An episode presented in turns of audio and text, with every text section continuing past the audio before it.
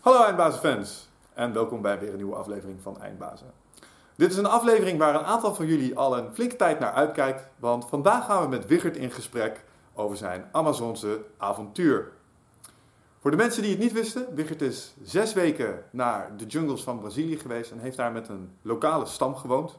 Daar is hij een aantal weken nog dieper de jungle ingetrokken met een lokale shamaan, uh, waar hij een aantal uh, wijze lessen heeft geleerd over leven in de jungle, over zichzelf, maar ook wat het betekent om een puur mens te zijn. Het is een fantastische podcast geworden met heel veel leuke anekdotes en lacherverhalen, maar ook um, moeilijke en emotionele momenten. Um, en ik wens jullie heel veel kijkplezier. Eindbazen wordt gesponsord door Nutrofit. De webshop voor natuurlijke voedingssupplementen en trainingsmaterialen die je helpen bij het verkrijgen van Total Human Optimization. Nutrofit is hofleverancier van merken zoals Onnit, Natural Stacks en Bulletproof Coffee. Probeer onze producten zonder risico door onze money back guarantee. Bezoek ons op www.nutrofit.nl. Bestel je voor 9 uur 's avonds, dan zorgen wij dat jouw bestelling de volgende dag geleverd wordt.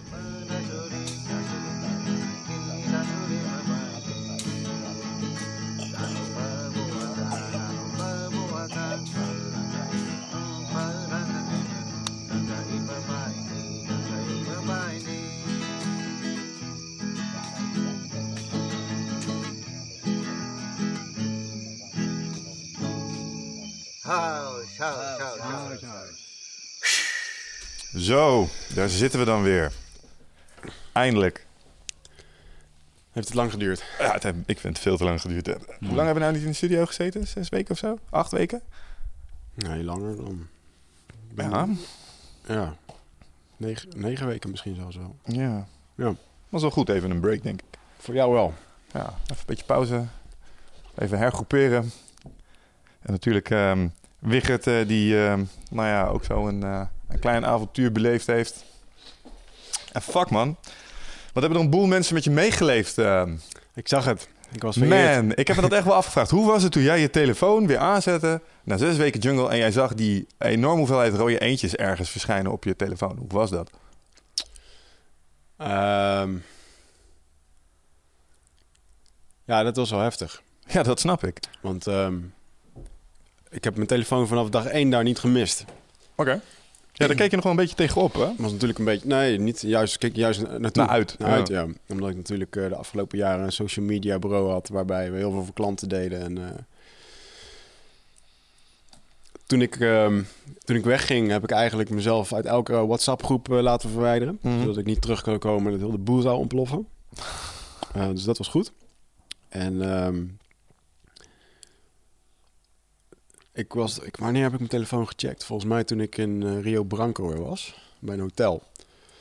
Toen had ik weer uh, wifi. Ja, en toen... Uh, ja, Facebook was wel heel erg groot, ontplofte wel. Alleen, eh, het viel uiteindelijk ook wel weer mee, want... Facebook geeft maar meldingen tot een bepaalde periode terug. Oh, oké, okay. ja. Yeah. Dus kwam ik achter. En, uh, het was namelijk nog meer. Ja, want ik, ik, zat, ik, heb, ik heb me wel. Ik moest een, een, een tussenstop maken van ongeveer acht uur of zo. Mm. Dus ik heb wel even de tijd gehad om dat lekker te doen. En uh, ja, toen was ik wel heel verbaasd. Want het was natuurlijk de podcast uh, die wij eerst hadden opgenomen. Die heb ik helemaal niet live zien gaan. Dat mm. gewoon, heb ik allemaal lekker achter me kunnen laten. Door uh, ons eindbazen vrijwilligersteam en jou.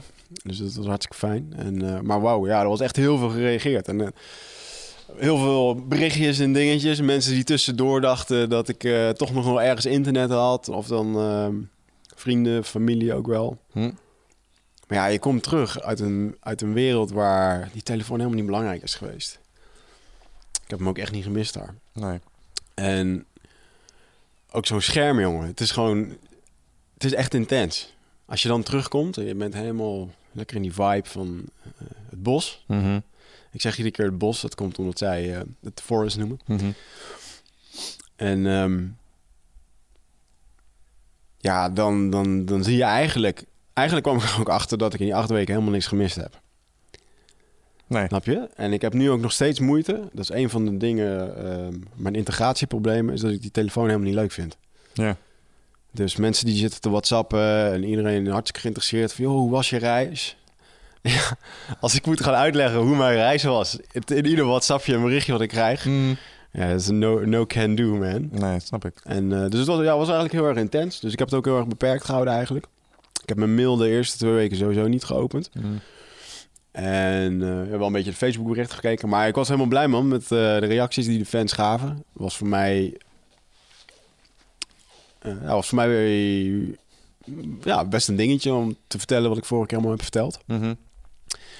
En ehm, dat het dan zo wordt meegeleefd. Ja, dat vind ik, Yes. dat vind ik bijzonder, man. Dat, eh, uit allerlei hoeken ook van mensen die ik niet kende. En eh, ik heb er eigenlijk geen enkel negatief ding over gehoord. Dus voor mij was dat ook een bevestiging van wat we hier aan het doen zijn. We raken A, de juiste mensen. Ja. En B, ja, wat, ik ben gewoon blij dat ik dan gewoon kan zeggen mm, wat ik waarover denk of wat ik vind.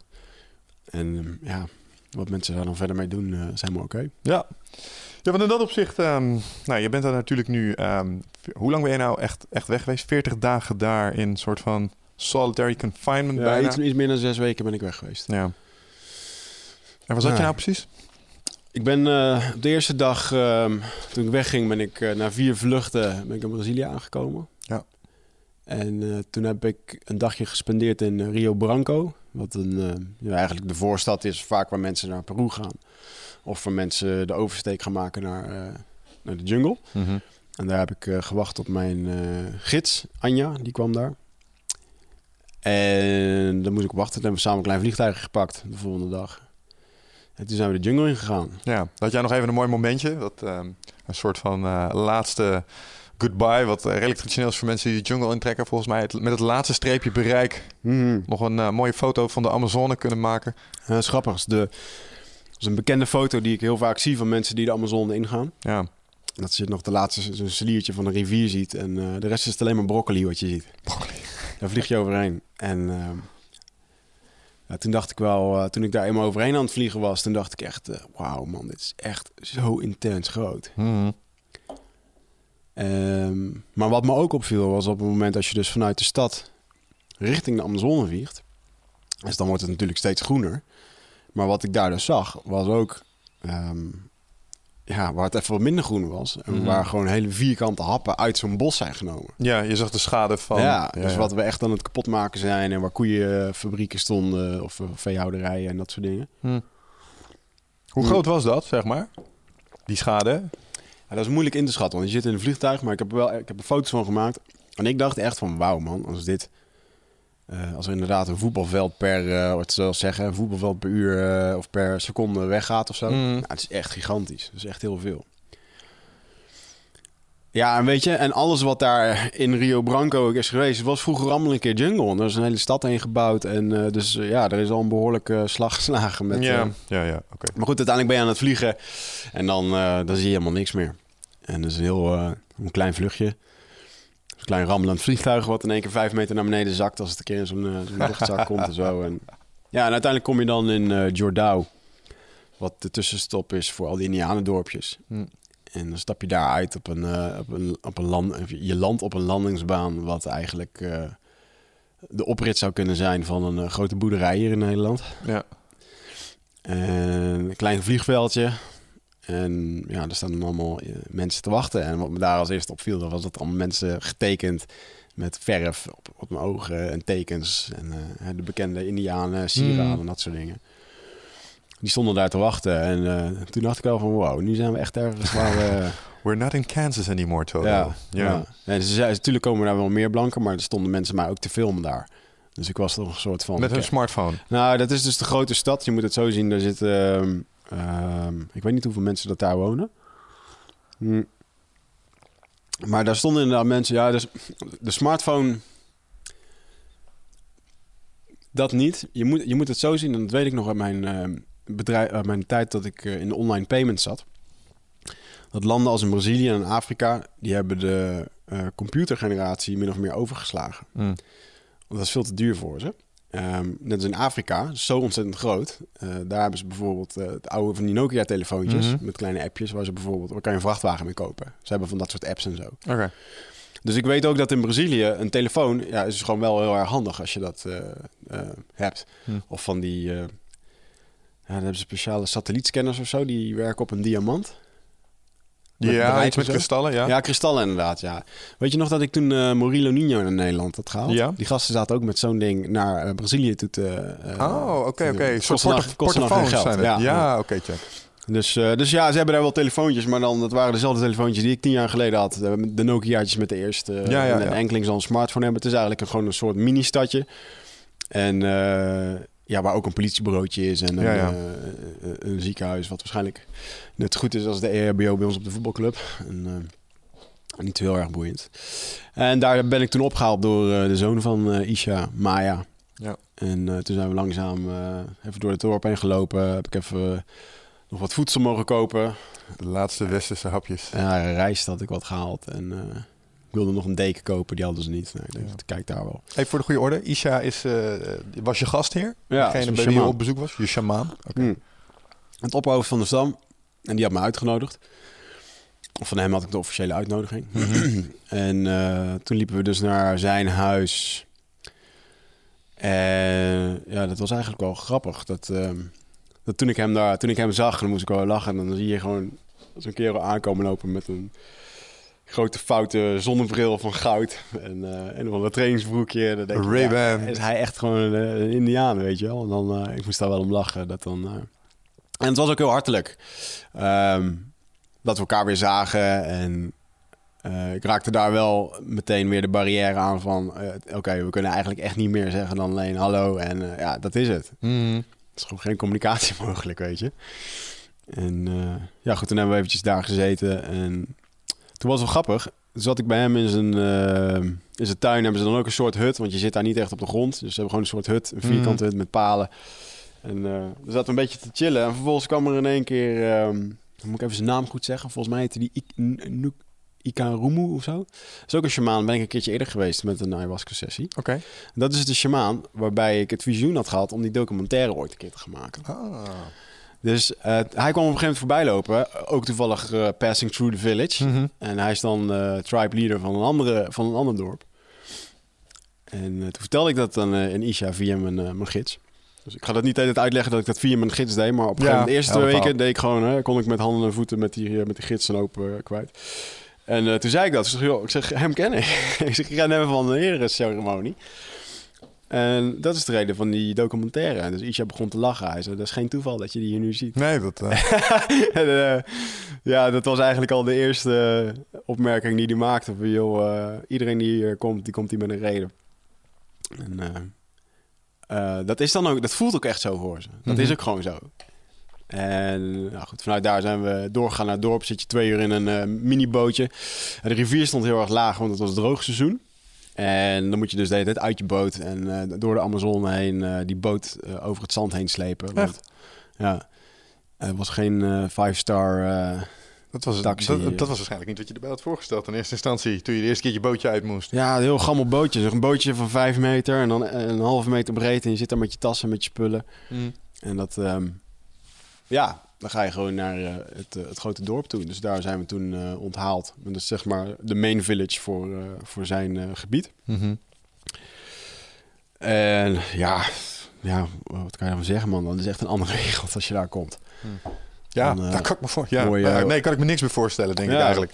Ja, dan word je opgewacht door allemaal schreeuwende kindjes. En eh, die staan dan te wachten bij de rivierbank. En ehm, ja, hele vriendelijke mensen. Het heel, ja, je wordt vriendelijk onthaald in de zin van dat je welkom bent. Mhm. Wat ik al zei, de communicatie is natuurlijk niet zo, niet zo handig.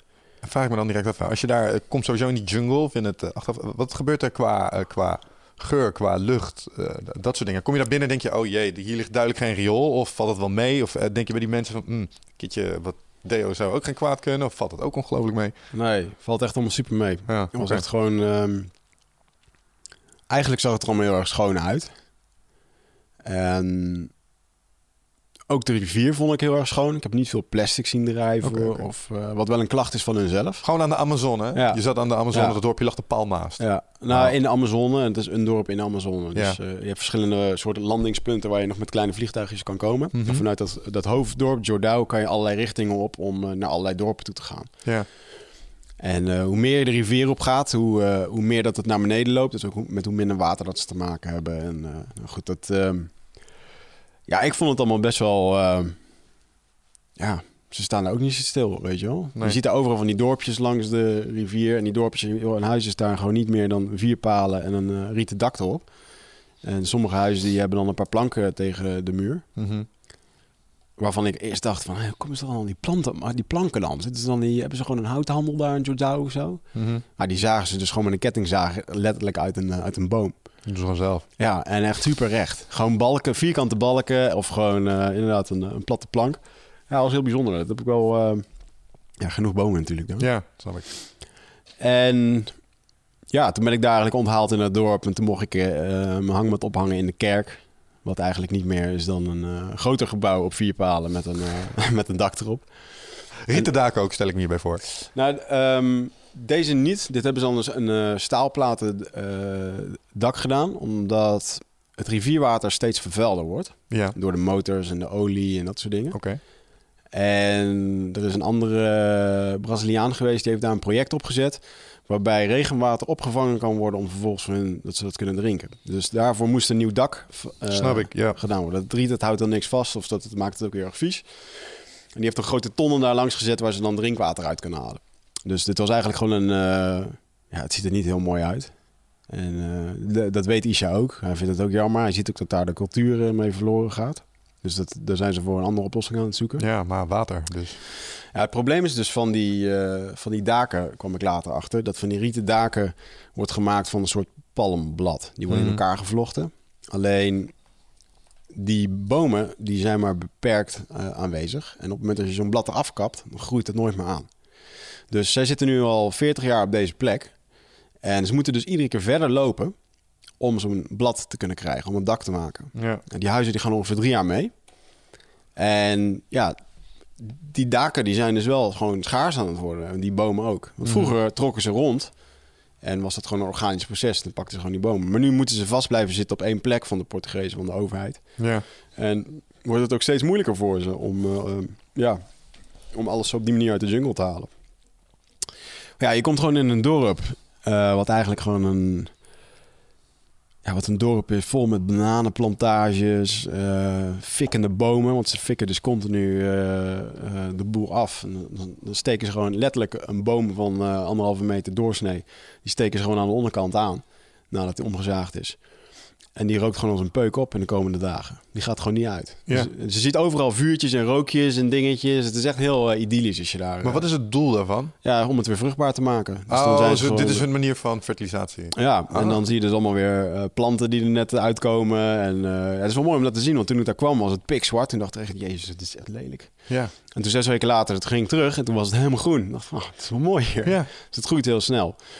En dan heb je dus allemaal kleine huisjes en dingetjes. Ja, iedereen heeft daar gewoon zijn eigen hutje. Het is een heel idyllisch mooi dorpje. Het is echt Pocahontas-achtige Mhm. toestand. En ja, nou goed, dan slaap je daar in je eerste nacht in je hangmat. En dan slaap je dus gewoon buiten in de jungle. Mhm. En dat was wel even anders. Dat je gewoon, je hoort al die beesten, die krekels. Ja. Ik neem aan dat je een klamboe bij je had. Ja, ik had een goede klamboek bij me. Ja. Nou, hij zat in mijn eh, hangmat. Ja, je had zo'n fancy ass eh, ding gekocht, ja. Ja. En ja, dan zit je daar eh, tussen de bananenplantages en eh, al die geluiden. En eh, weet je, je zit dan wel midden in de jungle.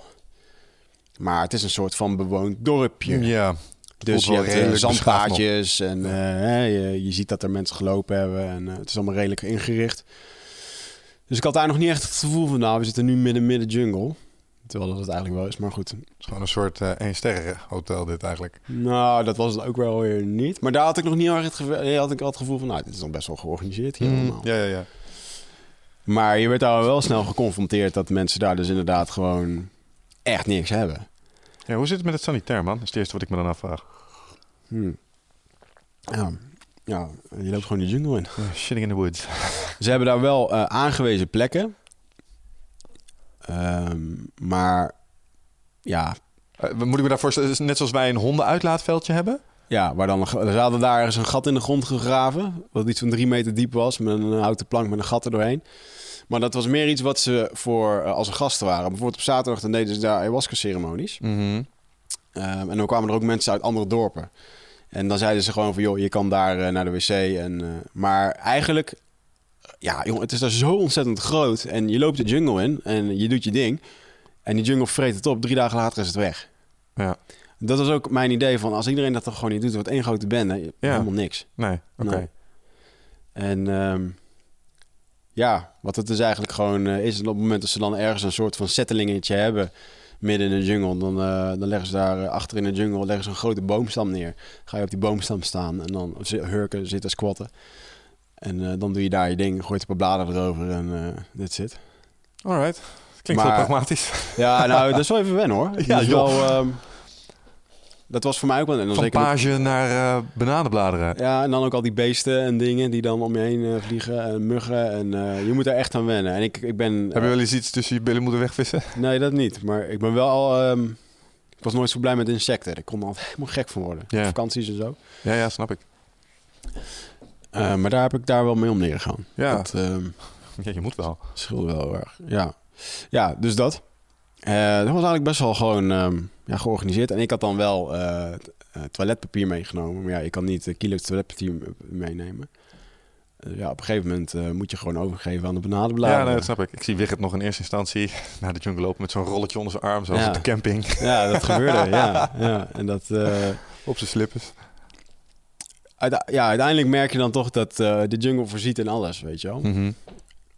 Dus Ja. ook in dat. Ja, nee, en het gaat uiteindelijk allemaal goed. En het voelt uiteindelijk, als je het ook doet, voelt het ontzettend natuurlijk. Het voelt heerlijk om gewoon, eh, ja, het is heel natuurlijk om gewoon lekker rond te lopen. Ah, ik moet naar de wc, dan, ja, dan zoek je even een plek en dan doe je dat. Ja, grappig.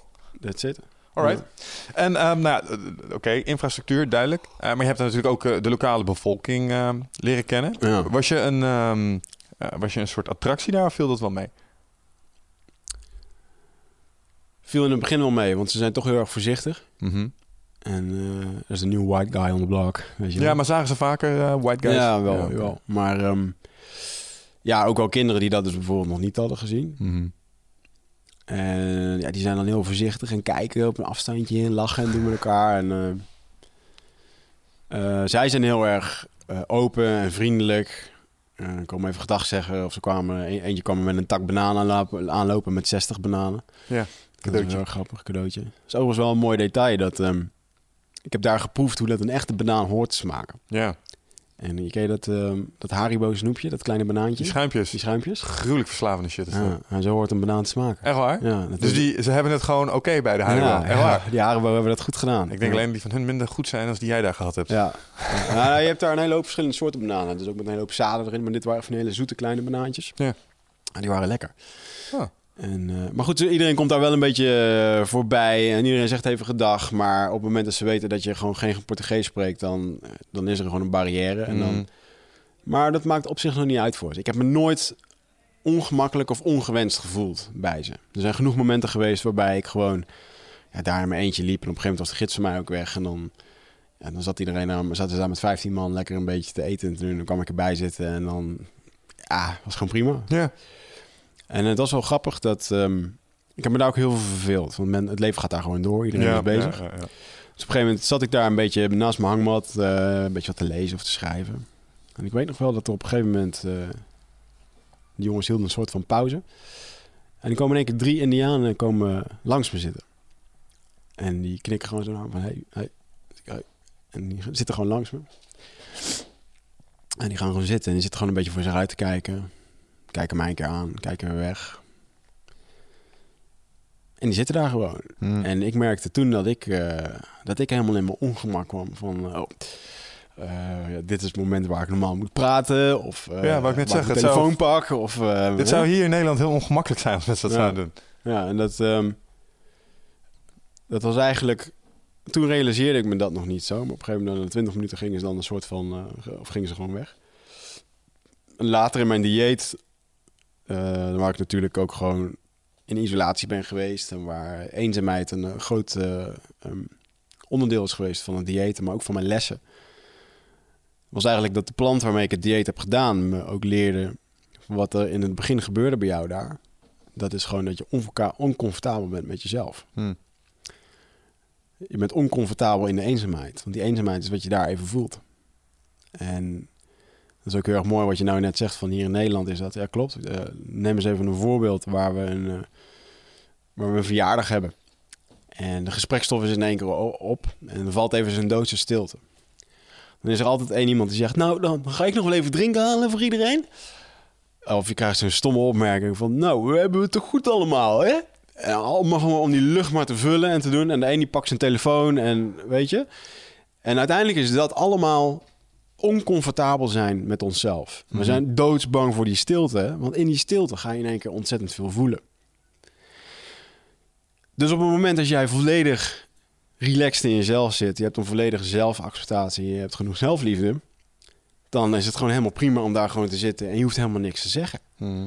En dat was wel iets wat ik wel merkte bij die Indianers, dat ze als ze gewoon samen waren, er werd inderdaad niet veel gesproken. Ja. En ja, dan is het dus inderdaad gewoon het samen zijn. Dus die gasten die kwamen gewoon 20 minuten bij me zitten. En die eh, zaten een beetje rond te kijken. En dat was helemaal prima. En vervolgens stonden ze op en eh, zeiden ze doei en gingen ze weg. En Ja. dat was gewoon even dat momentje van samen zijn. Ja. En dat heb ik veel, veel meegemaakt daar. En op een gegeven moment ging ik daar ook gewoon goed in mee. Want ik, ja, ik, ging natuurlijk ook mijn, eh, ik kreeg natuurlijk ook mijn lessen daar. En dat was wel een mooie, hoe, dat, dat, hoe erg ik gespiegeld werd door hun. En ik Mhm. zag daar heel snel dat die mensen gewoon heel erg, heel erg content waren met zichzelf. Geen ego-gedrag. Eh, mannen die bij elkaar zaten, zaten geen geintjes te maken om elkaar belachelijk te maken. Of om, om te pochen of stoer te doen. Helemaal niet Mhm. niet oordelend. Ehm, eigenlijk eigenlijk heel erg begripvol. Gewoon open voor alles. Dus ook al ging ik daarheen en zat ik weer met handen en voeten van alles uit te leggen... omdat ik wat wilde of wat dan ook. Ze hebben er altijd alle geduld voor genomen. En eh, ja, als ze het niet konden begrijpen... dan was het uiteindelijk ook van, ja, eh, laat maar. Dan snapte hun ook al van, oké, dit werkt niet. Ja, dus ik heb daar wel eh, in het begin... eh eh, moest er wel even mijn draai vinden. Mhm. En ehm, ik heb ongeveer een, ehm, even kijken, kleine vier, vijf dagen in dat dorp gezeten. Dus ik ben daar op dinsdag gekomen. En op donderdag startte mijn dieet. Mijn plandieet. Ja. In dat, in het dorp al. Ja. ja. Dus Isha had me al een keertje rondgeleid in het dorp. En eh, ja, ook leuke dingen gezien waarbij ze met z'n allen, met z'n allen op het land aan het werk waren. Mhm. En dan zie je dus ook dat iedereen naar mij naartoe gaat. Ja, dat is fantastisch, man. Dan zie je gewoon mensen die eh, al dansend en zingend over het land heen lopen. En eh, werken in groepjes. Dat de man die slaat een gat, de vrouw die gooit er wat in. Zaden of andere dingen. En de kinderen die trappen het dicht. En zo lopen ze in, drie, in drietallen achter elkaar aan. En Ja. Eh, soms komt er ook een gitaar mee. Of er wordt nog, en dan krijg je af en toe van die indianengeluiden, die worden dan geroepen. Dat eh, als er bijvoorbeeld iemand aankomt, dan eh, zitten ze met z'n allen. En dan- Dat is hun manier van ja, hooi dat is een beetje hun manier van hooien. En dat hoor je dan helemaal door die vallei. En dan iedereen heeft dan van die hoofdbandjes om. Mensen lopen met veren, met verf. Het is zo fucking mooi. Oké, het lijkt wel een film, man. ja, nu ik erover zit eh, eh, vertellen, eh, doet het zelfs gewoon wat met me. Omdat ik gewoon, eh, ja, dat was mooi, man. En toen had ik echt zoiets van, wauw, dit is, ja, dit, dit kennen we helemaal niet, man. Nee, nee, het is zo ver van, Nee. van ons bed. Nee. En eh nou, rondleiding gehad over het dorpje, waar ze dus ook een klein schooltje hebben voor ze. Ja, dan moet je je voorstellen, dat is echt niet meer dan de helft van dit lokaal. En ze hadden dan wel ook een schoolbord. Ja. En ehm, papier en boeken gaat gewoon kapot door de humidity. Dus ze hebben daar ook niet zoveel aan eh, materiaal. Ja. En ja, maar ze, daar zag ik de som op het bord staan van... eh, als er drie mensen zijn en er zijn zes appels... en van dat soort sommetjes, Ja, weet je. ja, ja. En er zaten dus ook volwassen mensen nog steeds gewoon te leren. Want ze zijn heel erg open om te leren. En de kinderen hebben daar wel een programma. En, eh, maar dat programma, bijvoorbeeld, eh, dat wij daar op het land gingen werken... was 's ochtends in theorie uitgelegd aan de kinderen. En smiddags gingen ze dat in de praktijk doen. Mhm. Dus ze hebben daar ook gewoon systemen om te laten zien... Van, joh, eh, ja, zo moeten we onszelf onderhouden. Ja, Vanmiddag ja. ga je meehelpen. Wat goed. Ja, en ik heb daar wel echt... ja, daar zat ik ook in één keer te kijken. Dat op een gegeven moment toen hoorde ik in één keer... ik denk, wat, wat is dat? En waren gewoon kinderen van zes die stonden met aanstekers eh, uitgedroogde eh, palm- eh, of bananenbomen aan te fikken. Want ja, het was toch allemaal een soort van verbrand. En, Ja. En die stonden daar lachend en gierend om me heen. Toen dacht ik echt van jongens, eh, toen ik dit deed toen ik zes was, toen kreeg ik eh, acht weken huisarrest. Van de politie. toen ik mijn David de Kabouter prullenbak eh, in de fik stookte thuis. Op je slaapkamertje. Op slaapkamer, ja. Dat is echt gebeurd overigens. Dit heb jij gedaan. Dat heb, Dit dat heb ik gedaan, helemaal niet. Ja. Ja, en toen had ik een, was een beetje uit de hand gelopen. Joh. Er was een stalen David de Kabouter eh, rugzak, weet ik nog. Of een rug, prullenbak. prullenbak. En ehm dat was een beetje uit de hand gelopen. En op een gegeven moment zag ik allemaal zwart geblakerd papier erin. Dus op een gegeven moment, ik had het gedoofd. En toen ben ik naar buiten gelopen via de keuken om die prullenbak te legen. En toen vroeg mijn eh, stiefvader destijds, die vroeg van, eh hey, wat ben je aan het doen? Ik zei, ik ben mijn kamer aan het opruimen. Nou, als er iemand niet zijn kamer opruimde, was ik het. Dus ik was, ik was meteen eh, verraden. En toen mocht ik op een gegeven moment naar boven komen. En toen zei hij, eh, het ruikt hier een beetje vreemd, hè? En toen was het eerste wat ik zei, ik heb geen fikjes in te steken. hoor." dus toen, eh, ja, dat is wel een moment dat ik een pak op mijn blote billen heb gehad, ja. Maar daar doen ze daar aanzienlijk minder krampachtig over, begrijp ik. Ja, zeker. Dat, is gewoon, eh, dat, dat maakte dan allemaal niet uit. En ik zag daar ook gewoon kleine meisjes van twee... die liepen daar gewoon met een blote voeten over zo'n net verbrande plantage... waar nog steeds overal rook was. En toen dacht ik ook van... jezus man, wij zijn echt zo ontzettend overvoorzichtig. Mm. Een ander, een ander mooi voorbeeld is dat datzelfde meisje van twee... op een gegeven moment met een machete rondliep. Een mache- en zo- die machete was groter dan haar. Dus ze liep echt zo met die machete. Die machete sleepte over de grond heen. Ja. En zij liep met dat mes rond. En ik dacht echt van... En liep naar de, naar de pa toe. En ik had tekenpapier meegenomen. En eh pennen en zo. Vinden ze leuk om te tekenen. Ja. ja. Wat ik al zei, het gaat daar gewoon kapot. Dus als ze het kunnen doen, is dat leuk. Dus papa van eh, 26, 26 en vier kinderen overigens. Die zit daar... ehm, Ja. Die zit lekker te tekenen. En zijn dochter komt eraan met die machete. Al slepend over de grond. En... Ik denk, ah, die krijgt dadelijk een uitbrander. dat is dat zwaard rondloopt. En die pa, die kijkt er echt zo naar. En die pakt zo die machete. Die sluit zo de punt van zijn potlood. En die geeft die machete weer terug. ja, dat was echt een heerlijk moment. Dat ik echt dacht... En dat ik hem ook aankeek. En ik stond ook echt te lachen. En, eh, volgens mij begreep hij wel dat dat bij ons niet zo gaat. Ja, Dus dat was wel echt een hele mooie... eh, maar ik zit ja. even te denken of, of dat zou... Komen we daarmee weg hier? Als ik denk aan mijn neefjes met een grote machete. Dat... ehm, ja, ik weet niet hoe het... Heb jij neefjes? Ik weet niet. Dat gaat niet goed komen in ieder geval. Nou, Ik denk niet dat het gaat werken. Het is de krampachtigheid waarmee we het, eh, waarmee we het doen. We zijn zo ontzettend voorzichtig. En als ik dan... ehm, joh, ik heb daar kinderen van twee jaar eh, gezien die zichzelf in een hangmat eh, trekken. Mhm. Ehm, moeders die gewoon met kokende pannen rondlopen terwijl ze een kind op de heup, hebben. Eh, kinderen die daar inderdaad, kinderen van vijf jaar die vijf meter in een boom aan het klimmen zijn om fruit te pakken. We zijn zo ontzettend overvoorzichtig in deze maatschappij. Dat als ik dan hoor dat mensen een dekentje kopen van 250 euro, zodat hun baby daar niet in kan stikken. Jongens, alsjeblieft. shit bestaat, hè? Ja, dat bestaat. En het is gewoon allemaal angstmakerij, problemen maken om vervolgens spullen te verkopen. Ja. En als ik dan zie wat daar allemaal gebeurt en hoe kleine kinderen ja, met pijl en boog rondlopen, en, hè, want dan gaan ze dan mee vissen en zo. Ja. Eh, met, messen spelen. Ja, ik zag er inderdaad kleine, kleine kinderen van zes met knipmessen, jochies van negen met machetes die dan eh, gewoon ermee aan het spelen zijn, weet je wel. Mhm. En ja, dat is allemaal gewoon prima. Ja, een kind snijdt zich wel een keer, dan weet hij daarna dat het niet moet. Ja, les geleerd. Ja, en het is ook gewoon een onderdeel van hun. joh, Zonder machete lukt het gewoon niet in die eh, jungle. Nou, misschien is dat ook wel een onderdeel van de basisopvoeding eigenlijk. Of opleiding. Misschien moet je gewoon wel goed met zo'n ding overweg kunnen. Dus beter van jongs af aan. Ja, maar een, heel, een ander, heel ander ding vind ik. ehm, ook hoe ik daar dus de mensen zag. En dat viel me heel snel op. Dat kinderen geen ruzie maakten met elkaar. Eh, natuurlijk zijn er wel eens wat, eh, wat dingen dat er een keer iets wordt afgepakt. En dat er dan huil is. Maar geen, ik zag helemaal geen gemeen gedrag. Ik zag tussen de volwassenen geen discussies. Niet op een eh, vervelende manier. Of mannen en vrouwen die tegen elkaar uitvliegen of uitvlogen of wat dan ook. Hmm. Dus ik merkte dat daar wel een hele relaxed rust was met elkaar. Dus echt een, een mindset van jongens, we moeten het hier met elkaar doen. En dat is denk ik wel het gevolg van eh, in een community leven.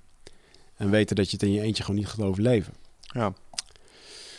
Plus, waar ik natuurlijk achter kwam daarna, was dat ik ehm, mijn eerste ayahuasca-sessie kreeg op een zaterdag. En waarbij we gewoon eh, met 60 mensen in de kerk zaten. En waar kinderen vanaf 4 tot en met ouderen van 98, eh, of ik geloof dat de oudste 85 was. Tot en met oude opa's en oma's met z'n allen een ayahuasca-ceremonie aan het doen waren. Ja, ja En, dat, is eh, wel, dat vond ik wel echt fucking raar om te horen, eerlijk gezegd. Ja, ik vind het toch wel bijzonder. Ze doen dat dus iedere week. Dus moet je je voorstellen dat jij eh, vanaf je vierde of zesde eh, iedere week ayahuasca doet. Ja. Dat doet wel wat met je. Daar word je, een, eh, je een aardig mens van, denk ik. Hm. En ik heb er altijd ook wel eens over bedacht van, joh, eh, iedere week, eh, of mensen die het heel vaak doen, hè. ehm, maar daar is het gewoon natuurlijk onderdeel van de cultuur.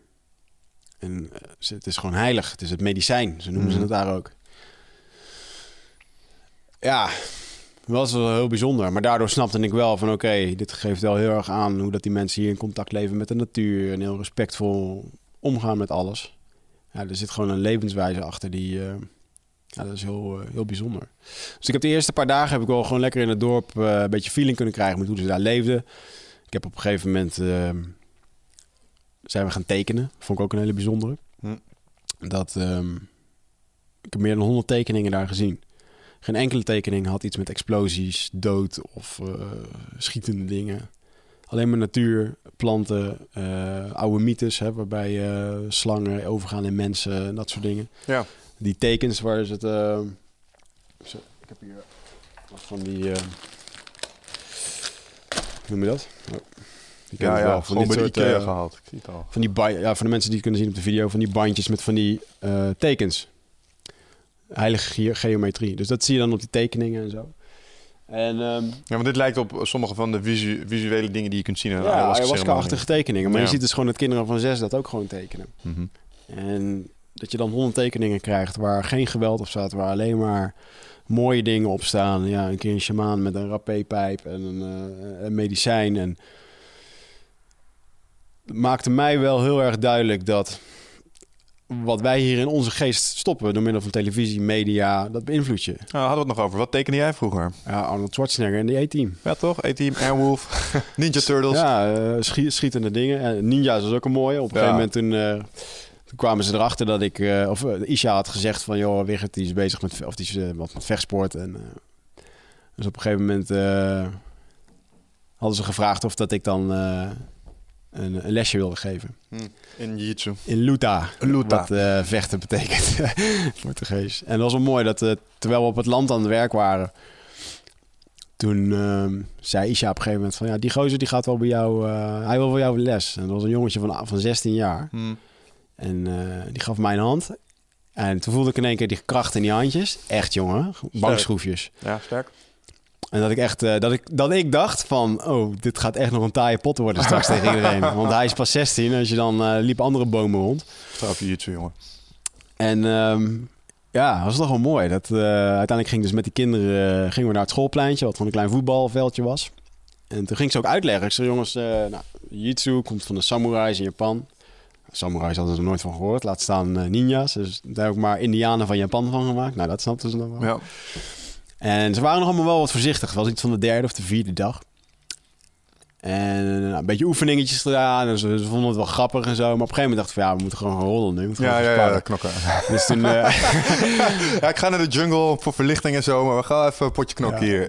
En vervolgens toen, eh, eh, de, dat vond ik wel mooi, dat de leraar is bij hun echt een, eh, een vriend. Want die staat met ze te voetballen, die staat met ze te, te, te geinen, met te, Mm. te koken, te Is wel doen. iemand, eh, een vaste persoon heeft die rol in het dorp? Ja, er zijn twee mensen. Eentje die is eh, verantwoordelijk voor de traditionele muziek. Dat is, heel, dat is heel mooi, want die, eh, de muziek wordt dus bijvoorbeeld niet opgeschreven daar. Ik dacht van, nou, ik ga hier mooi met een paar van die boekjes weg. Dan kan ik mooi een beetje oefenen. Oh. oh, ze hebben geen, eh geen bloknoot. Oh. Geen geschrift. En eh, heel veel kunnen, het meeste kunnen ook, eigenlijk iedereen kan gewoon niet echt schrijven. Ehm, ja, dus hij, alles wordt verhaal op verhaal. Dat is bijzonder, man. Dat gaat al 1500 jaar zo, hè? Ze Ja. bestaan 15, nogal langer, maar zij bestaan als Honey Queen 1500 jaar. Ja. En dus het is alleen maar verhaal op verhaal, lied op lied. Maar het is dus ook dat ze zelf die liederen maken. Mhm. Dus heel vaak was er op een gegeven moment ook een... eh, de eerste dag dat ik er kwam, toen zat de gozer tegenover me. Die zei van, hey, ik, eh, welkom hier. Je bent beschermd hier, dus je kunt je gewoon... eh, het is helemaal goed. Ik ga nu even een welkomstliedje voor je zingen. Wanneer heb jij voor het laatst een liedje voor iemand gezongen toen je voor het eerst zag? Net, net voordat we begonnen, maar... Ja, precies. Maar dat was ook weer zo'n... Ik vond het een soort... Het voelde raar. Weet Ja, je? ja, het is een beetje ongemakkelijk misschien wel. Ja, en echt zo... ja, maar voor hen is dat... Joh, het is gewoon een muziekje en... eh, Waarom is dat ongemakkelijk voor ons? Omdat we... We vinden, we vinden het raar om onze liefde of respect te tonen. Ik, als, als, Naar mensen, als ik jarig ben en mensen gaan voor me staan zingen, kan ik wel door de grond zakken. Vind ik zo Ja. vervelend als Dan moet dat je naast als, dat het dus, als het dus een vreemde is. Ja, die gewoon één op één in een één op één dynamiek een liedje Ja. voor je gaat staan zingen. Ja, en dan zitten er gewoon drie, vier indianen omheen en die, het is gewoon normaal daar. Ja, dus het was mijn, het is mijn gekheid hoor. Dat nee, ik ik, daar, eh, ik zou het ook ongemakkelijk vinden. En daar moest ik echt mee leren omgaan. En dat is dan toch een soort van eh, ja, ehm, schaamte of eh Gênant. gênant of weet ik. Maar het is toch eigenlijk is het ook weer te gek voor woorden dat ik zo denk in mijn hoofd. Dan kun je nagaan hoe, hoe raar we het eigenlijk vinden als iemand gewoon genuine eh, love and attention aan je probeert te geven. Want dat is het eigenlijk. Mhm. laten gewoon zien, joh, dit is de waardering en bedankt dat je hier bent. Ja. Maar misschien is dat ook wel gewoon wat cultuur is. En, eh, en ook een keer, een andere keer dat gewoon zei... "Joh, ik ga nu even een liedje voor je zingen. Dat heb ik van mijn opa geleerd. Ja, dus moet je nog een liedje. Oké.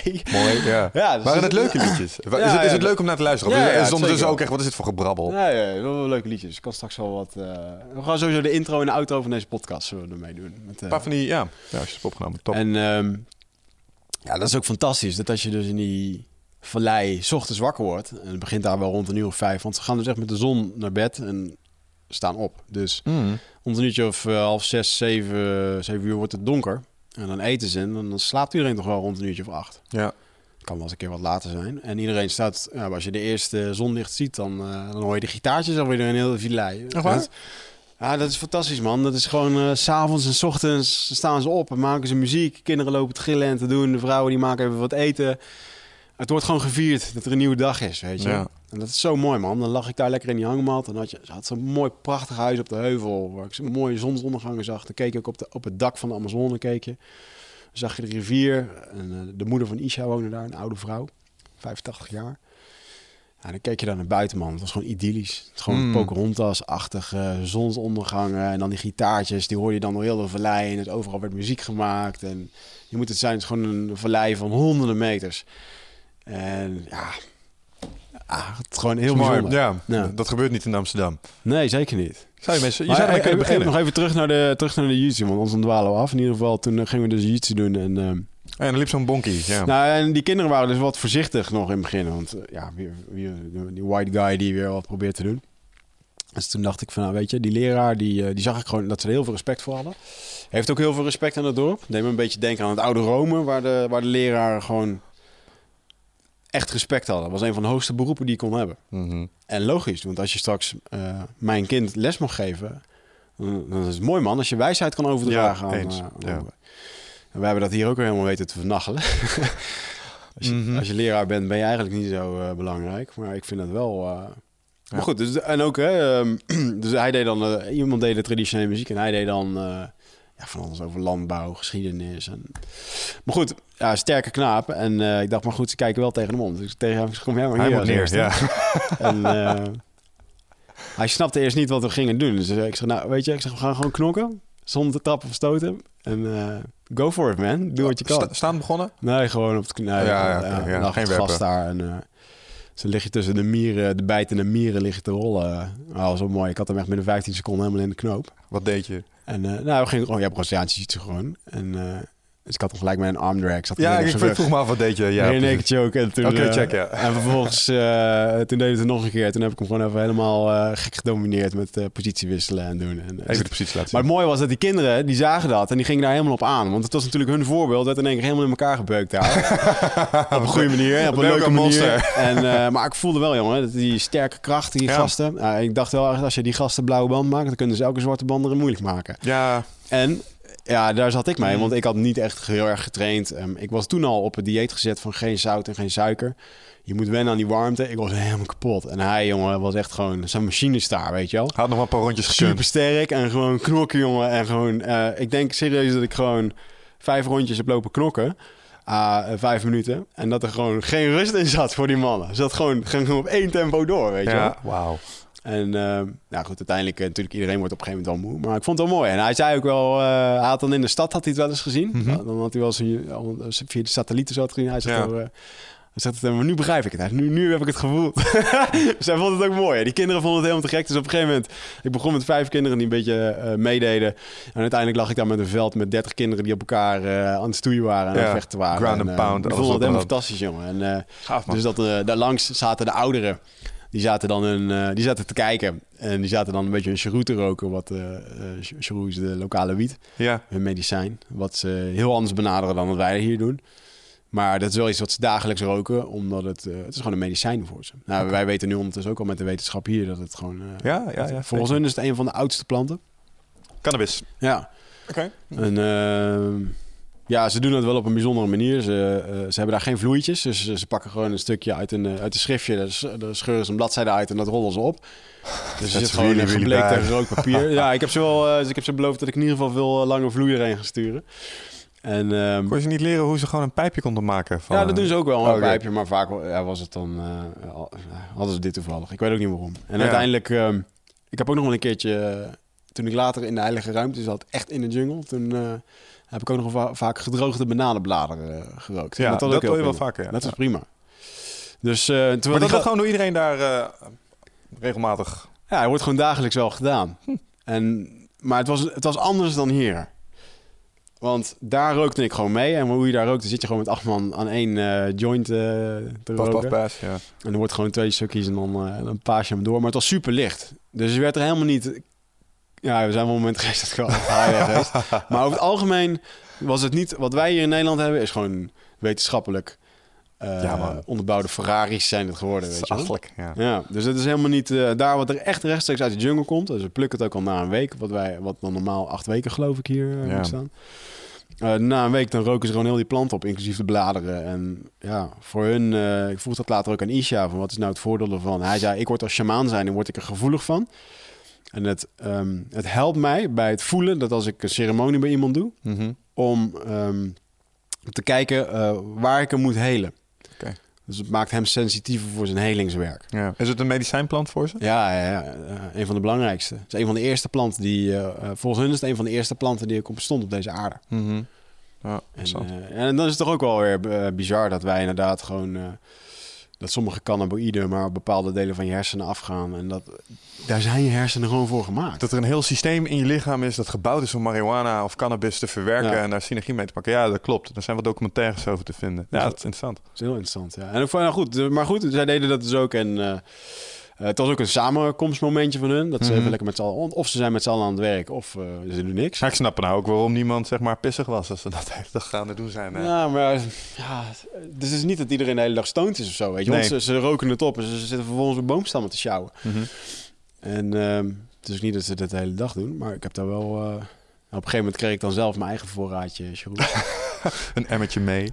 Dat was wel, eh, ja, het was ook heel fijn. En ze doen het dus ook tijdens ayahuasca-ceremonies. Vind ik wel interessant, want ja, de kiddo's die doen ook ayahuasca. Doen ze dan ook charoe? Vanaf een tiende jaar ongeveer. Oké. Ja, dus ik ben daar echt uitgelachen door jochies van tien jaar. Dat ik op een gegeven moment zei jongens, ik hoef niet meer. Dat ik eh, oversloeg en dat hij dan een klein mannetje van eh, tien... Die zat gewoon naar me te lachen.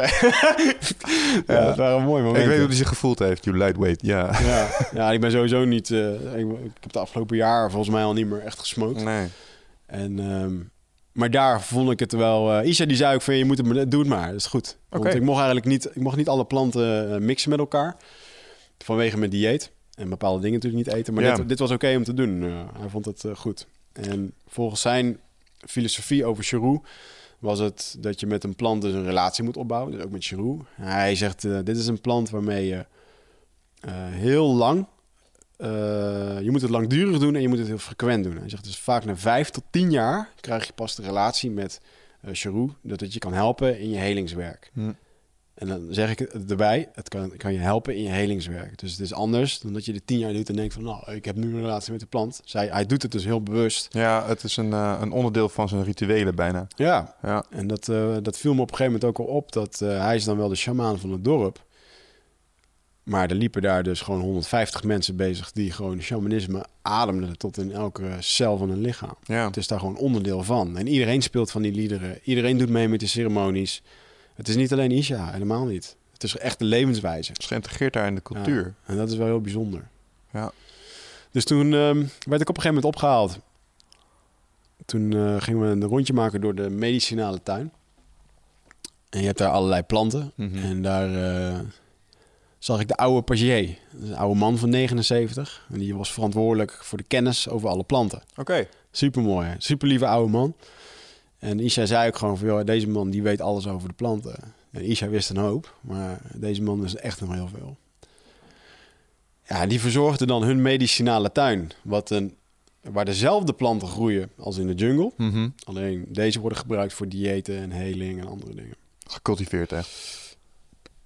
Ze worden Maar verbouwd ik denk daar. intentioneel gezet voor heling, worden apart, eh, ik weet niet wat Verzorgd, ze ermee verbouwd. doen. Ja, ja. Onkruidgelijk. Ja. En ehm, ja, ik heb daar wel echt gewoon wel mooie wonderen gezien. Dat op een gegeven moment een eh, moeder die kwam heel trots naar Isha lopen. En die heeft het in de hand en dat is echt gewoon een doorn van anderhalve centimeter. En die geeft ze aan Isha. En Isha vertelt, eh, eh, terwijl er een klein meisje bij komt staan met een klein plekje op de hand. Die vertelt gewoon, joh, anderhalf jaar geleden liep zij met de hand in die doorn. Die heb ik toen bewerkt met planten. En die doorn is nu aan de andere kant van de hand uitgekomen. Dus ja, hij was helemaal blij van, hè, zie je wel, dat heeft weer gewerkt. En ehm, ja, was bijvoorbeeld ook een jochie die had een soort van eczeem op zijn knieën. En daarvan zei hij ook van, ja, ik heb nu een plantding gedaan voor zes weken en dat heeft niet gewerkt, dus moet iets anders bedenken. Dus het is niet alleen maar dat het dat alles daar maar werkt en alles Mhm. eh, rooskleurig is. Hè? Dat is gewoon trial and error. In ieder geval bij die ehm, medicinale tuin, daar eh, liepen we op een gegeven moment langs een plant. En toen zei Isha op een gegeven moment ook van, joh, eh, die plant daar, dat zou wel eens de plant kunnen worden van je dieet. En eh, toen liep ik er naartoe en ik wilde eigenlijk gewoon een blad pakken van, eh, gewoon om even te voelen of wat dan ook. Maar toen werd ik wel echt meteen teruggefloten, want ik mocht hem niet aanraken. Want als je het aanraakt, dan start je dieet. Hmm. Oké, eh dude, ik wou alleen maar die plant aanraken. Ja, maar weet even je kijken, wel? man. Dus dat is, ja, weet je, maar dat is de, ge- eh, nu besef ik dat wel, dat is de gevoeligheid waarmee, of eigenlijk het respect waarmee zij Mhm. omgaan met die natuur. En eh, ja, dan lopen we vervolgens weer langs een boom waarvan die zei van, eh, dit gebruiken we na het jagen om, eh, die bladeren gooien over je heen tijdens met het water om boze geesten van je af te laten. En ja, dat zijn allemaal dingen. Dat is, alles is daar, alles in dat bos is dus ook heilig. Mm. Dus dit soort rituelen en zo zijn ook heilig. Ik ben een keertje mee gaan jagen, dan moest ik dat dus ook doen. Het was het eerste hij vroeg: heb je zelf gewassen? Had ik toevallig ook gedaan, maar ik had er niet over nagedacht dat, het, Nee, dat, nee, dat het verhaal was. Maar ja, weet je, dus dat is wel, eh, dat gaat wel diep daar. En toen, ehm, ja, dan zit je daar s'avonds gewoon met die mensen te eten, joh. Het, het zit gewoon op houten planken, iedereen zit op de grond. En het is gewoon een huisje, jongen. En ja, qua hygiëne was dat wel een, een eh, bijzonder, bijzonder ding om te zien. Dat je gewoon kinderen in een hangmat, eh, kleine kinderen die, die plassen in een broek. Dus kinderen pissen daar door een hangmat heen over die vloer.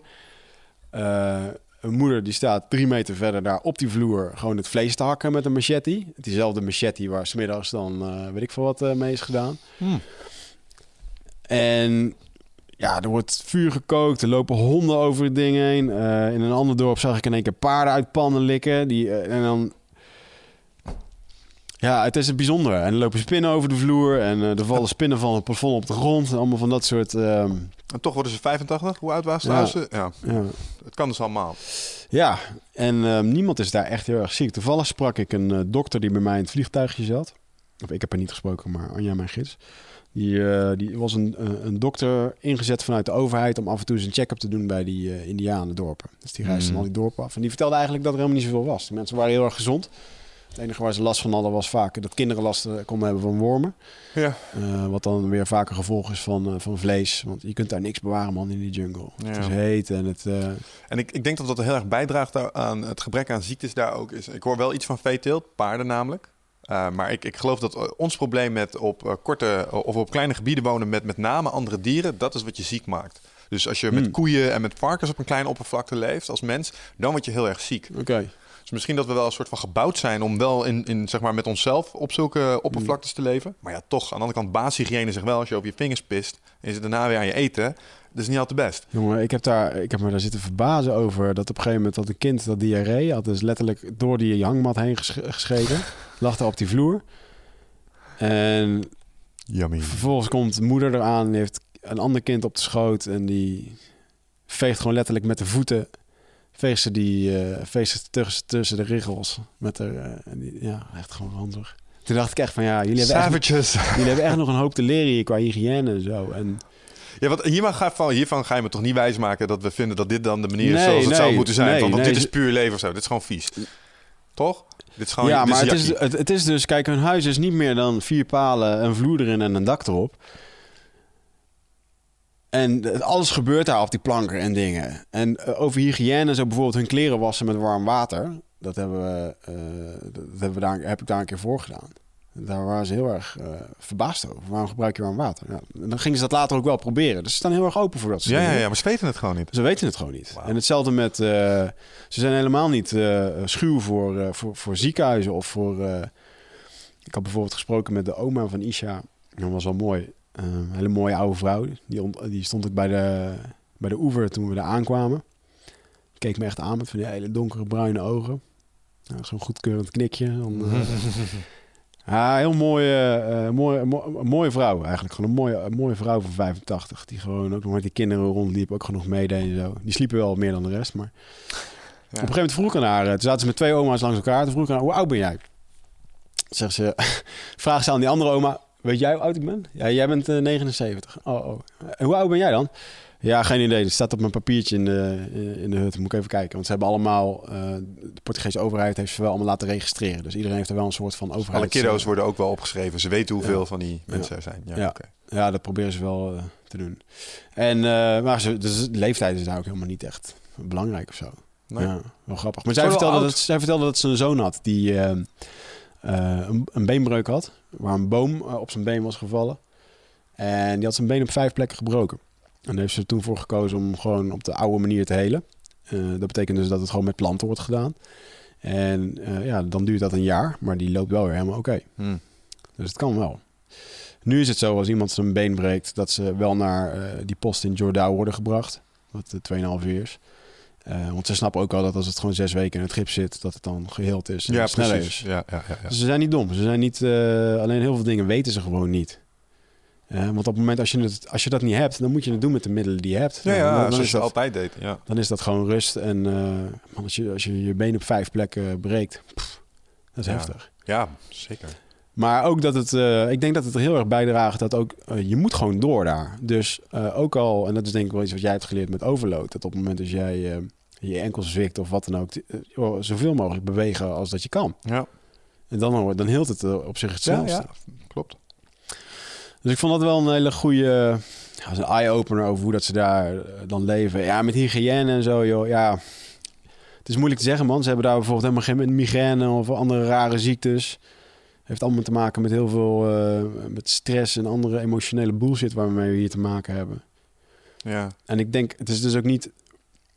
Ik moet daar, dat heb ik nog vaak aan gedacht. Dat ik eh, in die boeken van Alberto Villoldo, wat een, eh, wat een wetenschapper is, die werd vaak op pad gestuurd door, door farmaceutische bedrijven naar de Amazone. Mhm. Om daar een plant te zoeken tegen een bepaald ziektebeeld. en dat hij ook eigenlijk altijd terugkomt. Er is niet één plant die dit doet. Het is het totaalplaatje wat ervoor zorgt dat, dat je emotioneel lekker in je vel zit. Dat je Mhm. spiritueel eh, ja, ook een soort van in je lekker in je vel zit of geaard bent.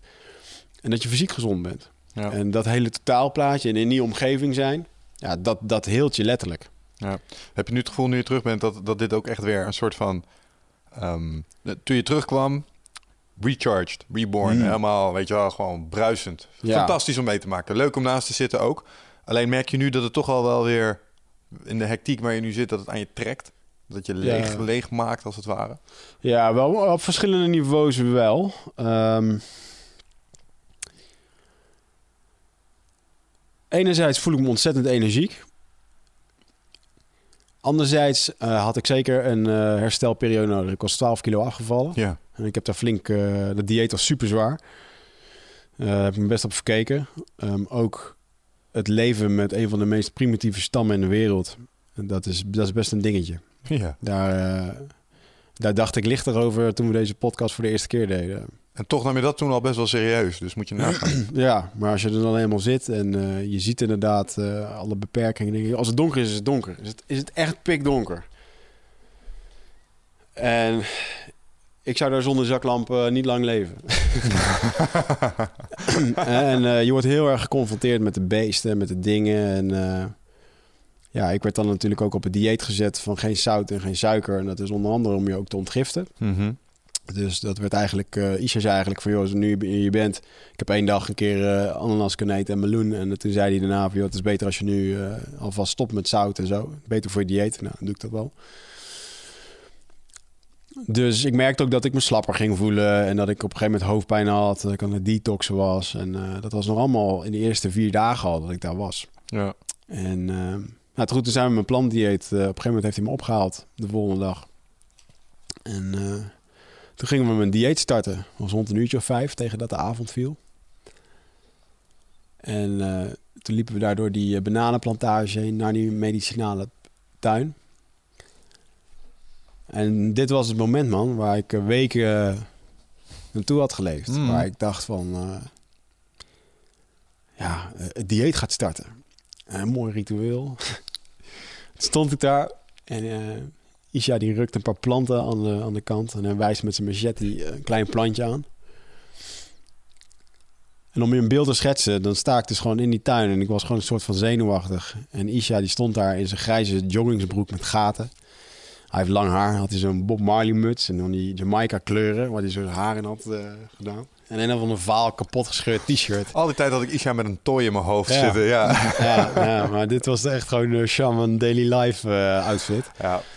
En ehm, ja, dat was wel mooi. Dus ik ging het ehm, dieet doen van de aardappelplant.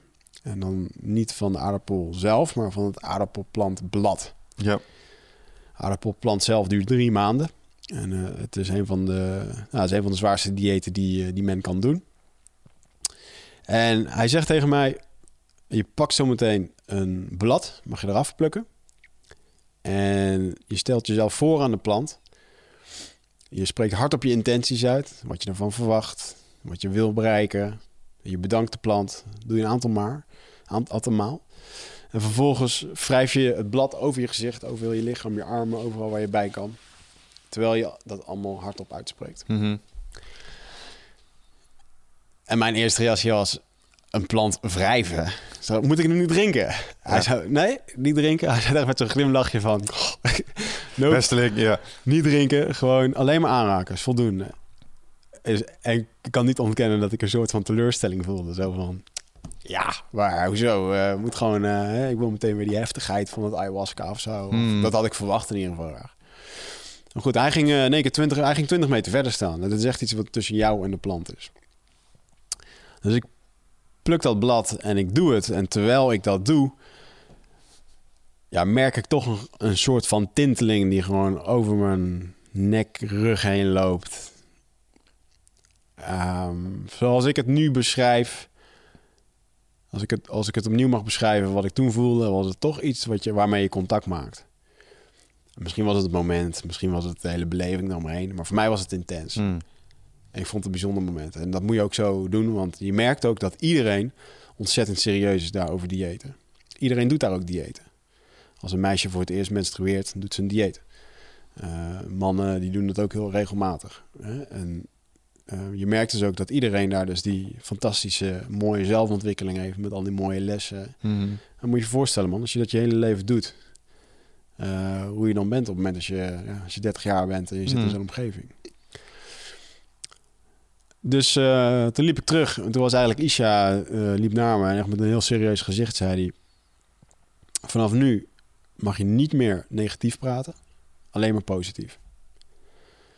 Als je negatieve dingen ziet, dan buig je het om naar het positieve.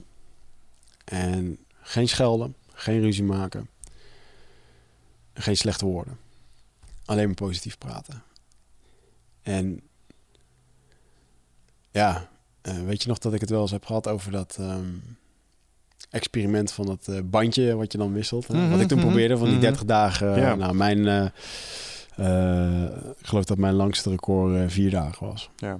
Want de bedoeling was dat jij je, je bandje moest omwisselen als je een negatief woord sprak, toch? Ja, dat, was ja, het dat was het officiële experiment. Ik deed gewoon, ik wil dat gewoon 30 dagen eens een keer proberen. En dat is nooit langer dan, als je dan vier dagen, als je het doet, moet je opnieuw beginnen. Ja. Dat is het idee. Wauw. Dus ik had daar zoiets van, oké, interesting, interesting, interesting. en ehm, toen zei hij het volgende. Hij zegt, vanavond ga je een droom krijgen.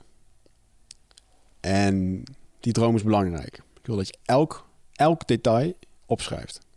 Elk detail is belangrijk. en hij zei, gewoon, hij zei het gewoon van, dit gaat gewoon gebeuren. Mm. Weet je? je gaat vanavond een droom krijgen. En toen liepen we terug naar de, naar de hut.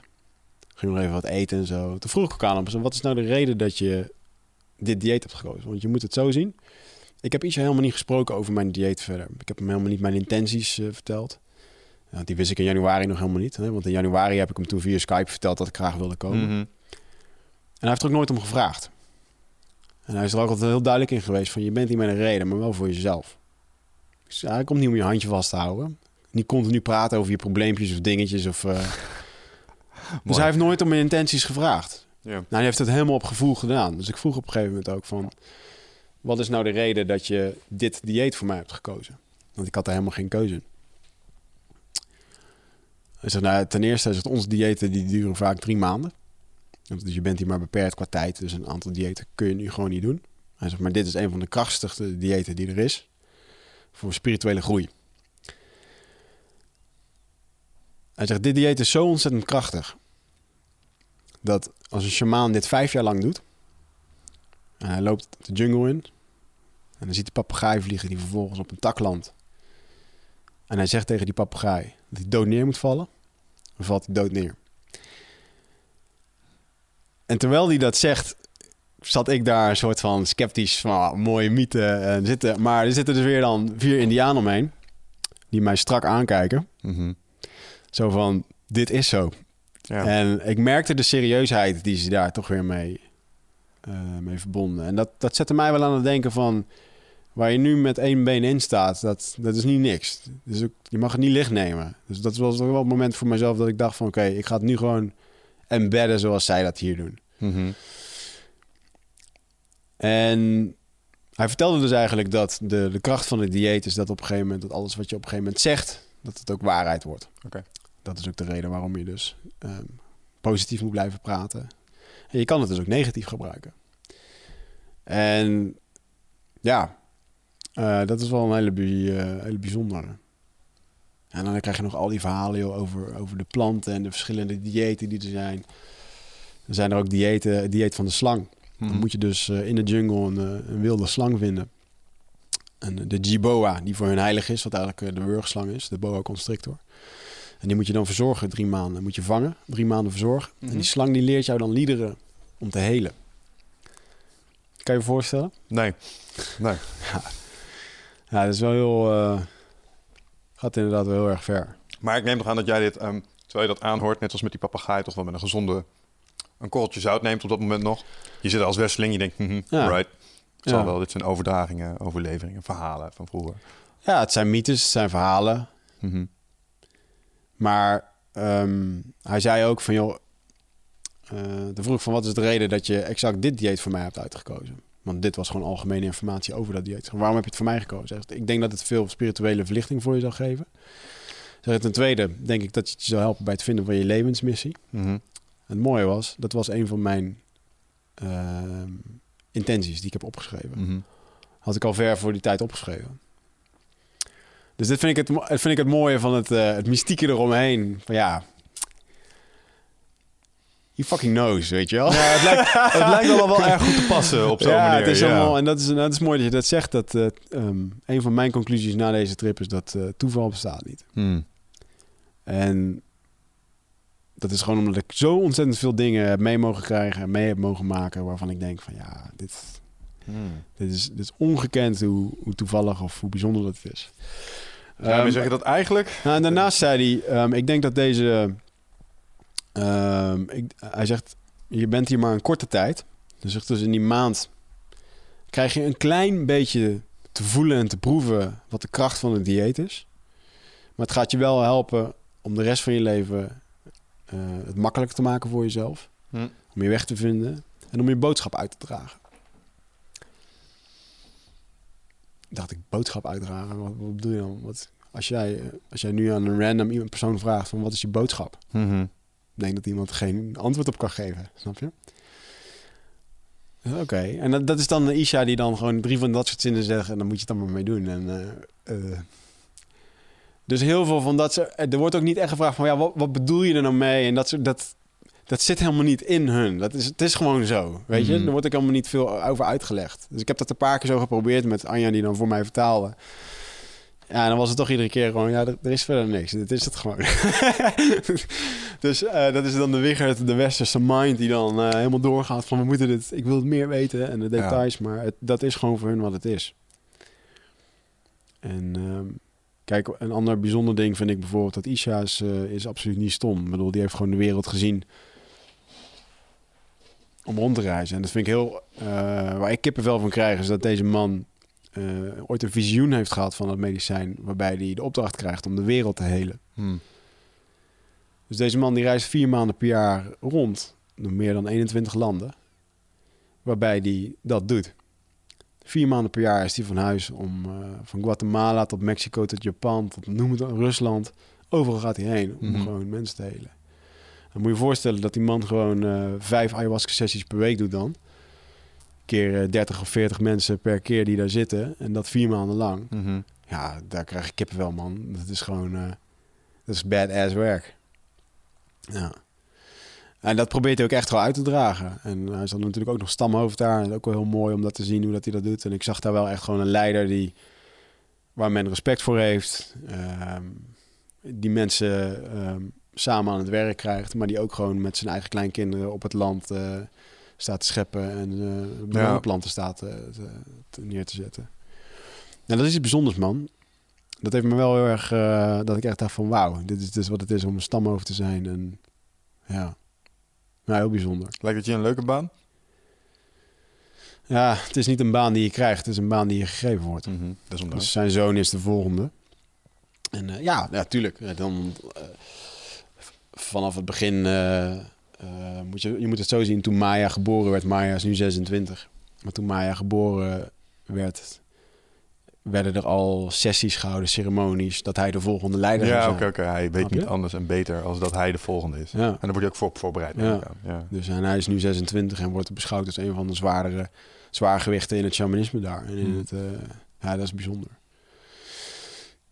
Dus ja, dat was eigenlijk de start van mijn dieet. Nou, toen ging ik, eh, zou ik de volgende dag naar de Heilige Ruimte gaan, wat dus nog een keertje 2,5 uur van het dorp is. Ja, Wat is de heilige ruimte? Dat is hun ruimte waar ze echt midden in de jungle de chacruna-planten eh, Mhm. hebben. Dus de mannelijke eh, plant en de vrouwelijke plant. Die groeien daar samen op één plek. Dat is Ja. eigenlijk een plek midden in de jungle. En dan, dan hebben we het over echt midden in de jungle.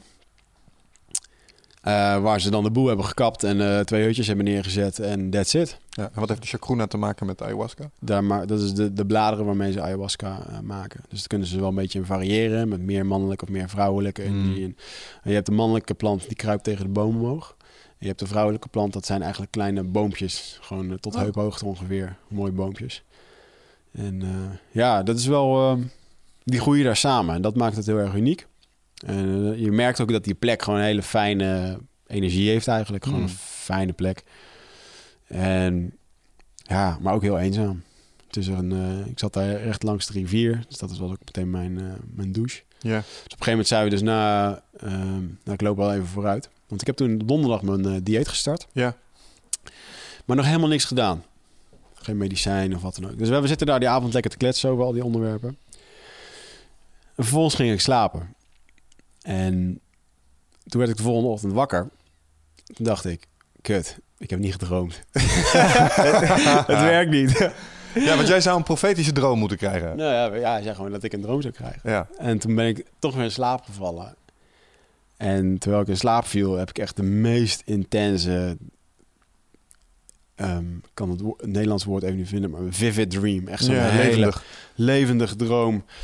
Waarbij ik mezelf door mijn eigen ogen heen keek, alsof je een computerspelletje had. En ik was ergens in de Romeinse tijd en ik klopte op een deur. Er waren allemaal mensen beneden. En ik vroeg naar mezelf. Vroeg, waar is Wiggert? En ze zeiden, Wiggert die is boven aan het praten met twee leiders. Toen ging de camera als het ware helemaal naar boven. Dus de grote wenteltrap. En toen zag ik mezelf met twee andere leiders praten. En nou, het ging even zo door. En op een gegeven moment werd er beneden aan de deur geklopt. En er stond een strijder voor de deur. Met zo'n groot Pretoriaans masker met ja. stekels. En die was op zoek naar mij. En ik hoorde dat. En ik schoot meteen in de angst. Ik voelde echt gewoon een, een doodsangst. Dus ik verstopte me. En hij was aan het zoeken, maar ik was zo angstig dat ik aan het zweten was. Dus er valt een zweetdruppel langs mijn arm, honderden meters naar beneden. En die valt bovenop die strijder. Ah. Dus die strijder die kijkt op en die ziet mij en die komt achter me aan. En dat is het moment dat ik bezweet wakker eh, schoot. Eh, en het was niet door de warmte. Nee. En ehm, ja, dat was mijn droom. En ik, ik dacht, wat is dit nou weer voor vage droom, joh? Wat moet je hier nou mee? ja, inderdaad. Wat moet je daar nou mee? Ja. Dus wat heb je gedaan? Ja, ja, eigenlijk niet zoveel. Want het is dus niet... eh, Isha vraagt op zijn moment wanneer hij wat wil weten. Mhm. Dus ik had dat al helemaal losgelaten van... Nou, ik laat het gewoon lekker helemaal... eh, we doen het lekker organic, eh, jungle style. Toen heb ik op eh, zaterdag... deden we onze eerste ayahuasca-ceremonie. En dat was wel echt iets bijzonders. Dus dan komt het hele dorp bij elkaar. Mhm. Ja, jongen, iedereen helemaal eh, getekend. En eh, ik mocht dan eh, even geen verf op, omdat ik mijn plantdieet was gestart. En die verf wordt gemaakt van fruit en bepaalde planten. Oh, oké. dus ja. ik mocht niet gemixt worden. Verstoord het dieet. Ja. Ja. En vervolgens zitten we daar. Eh, waarbij de, de je moet het zien als gewoon een, een vierkant eh, plek waar we zitten met in het midden een vuur wat we aan het maken waren. De kinderen die zitten al een uur van tevoren eh, muziek te maken en eh, te schreeuwen en te spelen en te dansen en te doen. Hmm. Eh, op een gegeven moment zitten de mannen, die zitten gewoon aan, eh aan één zijde. De vrouwen, die zitten aan de rechterkant op de vloer. Ja. En de kinderen, die zitten aan de overkant op, eh, op een stoeltje gewoon bij elkaar gezet. En er was een bijzondere avond, want er waren een aantal stamhoofden van andere stammen waren daar. Ja, is fucking kicken, man. Dan zie je Mm. daar gewoon eh, leiders staan met tooien op, die daar gewoon hun dorp vertegenwoordigen. En die eh, gingen gewoon voor mij staan. En die vonden dat dan helemaal mooi. Bedankt dat je hier bent. En ik ben de leider van dat en dat dorp. Je bent altijd welkom. En dan krijgen we van dat soort dingen. Dat deden ze dan in hun eigen taal. Hadja Queen. Ja, daar, daar kun je niks van. eh, Nee, jij maakt er geen kaart van. Nee, maar het ging in ieder geval over dat ehm, de politiek heeft hun de afgelopen jaren niet echt heel veel goeds gedaan. En ze hebben het dan over de witte mensen. Mhm. Dat zijn ja, de Westerlingen dus. Iedere keer worden mooie beloftes gemaakt. En uiteindelijk krijgen die mensen, zijn dat de mensen die een dikkere auto rijden. Of ehm, eh, meer geld krijgen, maar het gaat niet naar hun. Dus ze vonden het heel erg belangrijk dat er nu iemand van hun zelf in die politiek kwam. Alleen, dat kan natuurlijk niet iedereen. En er waren een aantal gegadigden, ik geloof een stuk of drie mensen. En die mochten daar hun verhaal doen. Hmm. En nou, daar deden ze dan eh, een soort van... eh, volgens mij waren ze daar een soort van politieke pitch aan het doen. Eh, eentje was de neef van Isha. Eentje was de, ik voel de broer van die en die. En, Oh, een soort debat. Presidentieel debat. Ja. Maar ehm, ja, dat was wel heel erg mooi. Dan zou je denken van ja, als dat een neef van Isha is, is het toch een 1 2 Hè? Ja. Gaat zo het hier gaan, Ja, spreken. Maar Isha zei daar gewoon... jongens, vanavond, dit is belangrijk. Dat er nu iemand van ons in die politiek komt. Iemand die ons kent en iemand die eh, ons kan, eh, echt kan helpen. En dat ook echt gaat doen. Eh, we hebben hier drie mannen die dit, die dit willen doen. Mhm. Vanavond laten we de geest bepalen wie dat het gaat doen. en de geest bedoelt de Yu- Yushibu. En Ja. Yushibu is de, hun god. De Ja. creator van alles. En dan gingen we ayahuasca drinken. Dus zij doen dus politieke besluitvormingen op basis van het medicijn. Stel je dat voor in de laatste verkiezingen. Ja, ja, dan denk ik... dat- Trump ja. en Hillary aan de ayahuasca. Ja, maar dat is toch fantastisch? Ja, ik, vond het eh, ik vond het heel bijzonder hoe dat... dat eh, Ja, en dan zit je daar in één keer in een, eh, in een, ayahuasca-sessie zoals het daar gaat. En daar heb ik wel echt mijn ogen uitgekeken over... En ook me heel erg verbaasd over wat voor kermis het hier in Nederland is. En in Mm. Europa, onze Mm. ceremonies. Ja. Waarbij mensen lekker op matjes kunnen liggen. Waarbij iedereen ligt te huilen, drama ligt te maken. Waarbij iedereen ligt over te geven. Zichzelf niet kunnen beheersen. En ik kan me dus nu echt voorstellen dat als een shamaan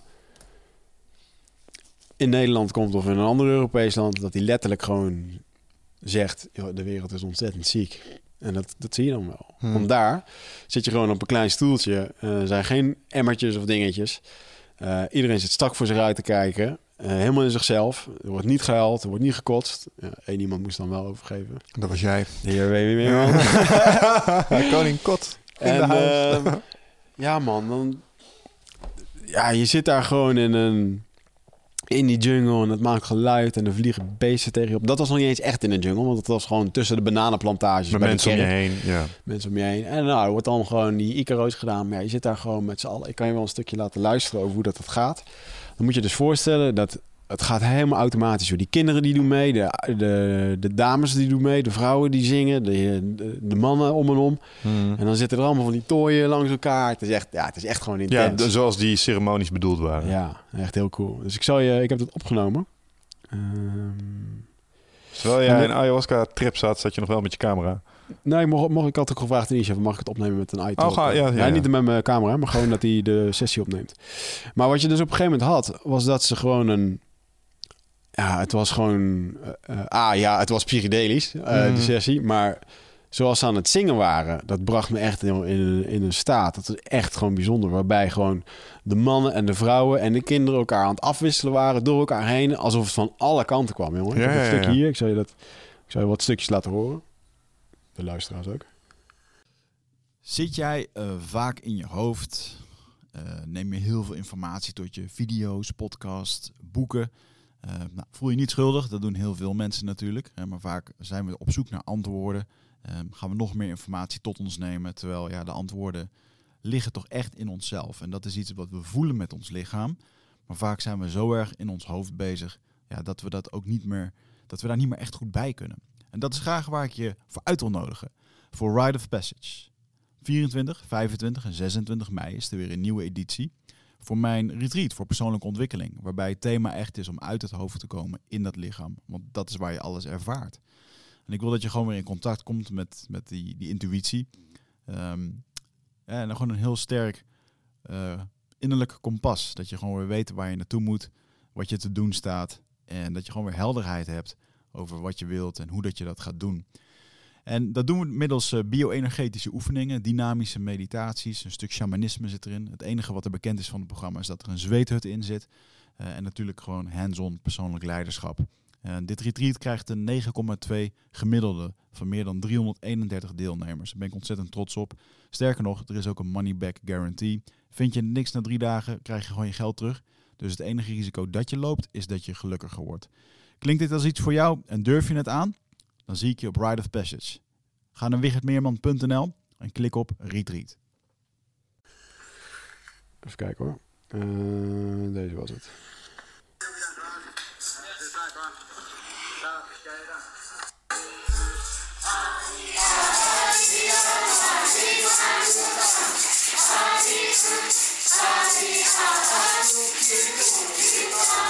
Het zit een beetje alles door elkaar. Maar nu laat ik je een stukje horen waarbij alles door elkaar heen was. En hier werd ik echt helemaal... Uh... Moet het even zoeken hoor. Geen probleem. Dit.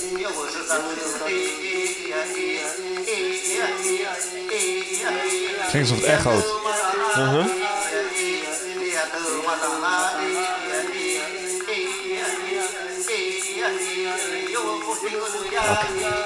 Dus daar, uh, ja, dat gaat er gewoon, deze duurt acht uur. En op een gegeven moment wordt er dan wel gewoon lekker muziek gemaakt. Nee, dan is het echte werk eigenlijk gedaan. Ja, ontspannen. Een beetje gekletst, dan, dan roken we een cheroetje. Dat werd trouwens de hele tijd doorgedaan. Ook tijdens de ceremonie. Ja, dat, dat, is wel mooi. Dan, dan zitten die gasten dus uh, te roken. En dan op een gegeven moment... Uh, het zijn eigenlijk vooral... Het is heel bijzonder. Dat het zijn vooral de mannen die het dan roken. Mhm. En die mannen zitten dan allemaal in een rijtje langs elkaar. Ik denk dat er 15 mannen zaten. Maar ja, die hebben allemaal een eigen cheroet. Dus iedereen zit daar te, te roken en te draaien. Dus op een gegeven moment... En die worden dan doorgepaast. Dus op een gegeven moment zet je echt gewoon... Dan smoked hij de ene en dan kreeg je de andere alweer.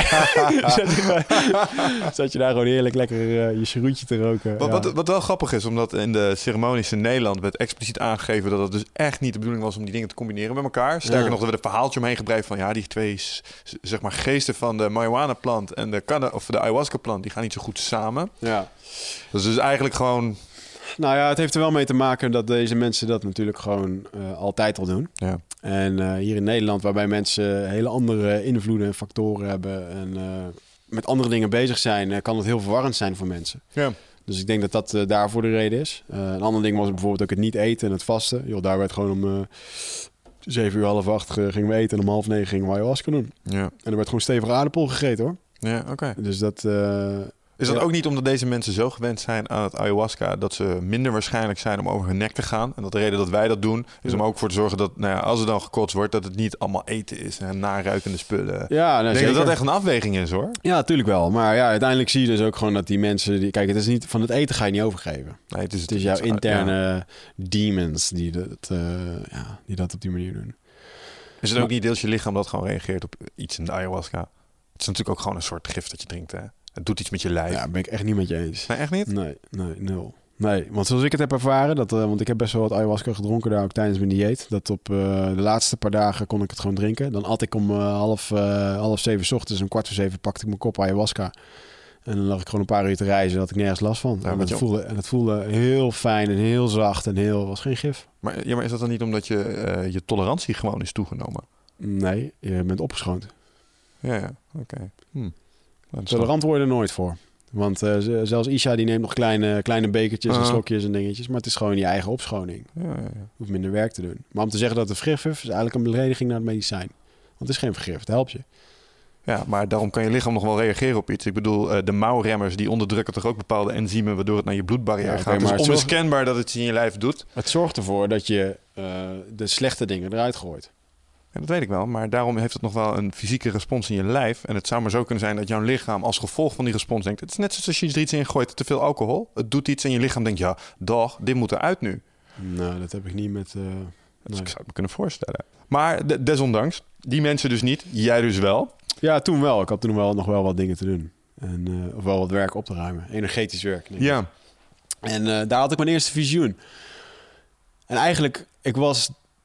Ik heb natuurlijk verteld wat ik in mijn vorige ayahuasca-sessie heb mee eh, mogen maken. En wat ik daarna, de weken daarna, ik me toen heb gevoeld. En eh, ik was echt huiverig om het te doen. ik Ja, had er echt geen zin in, jongen.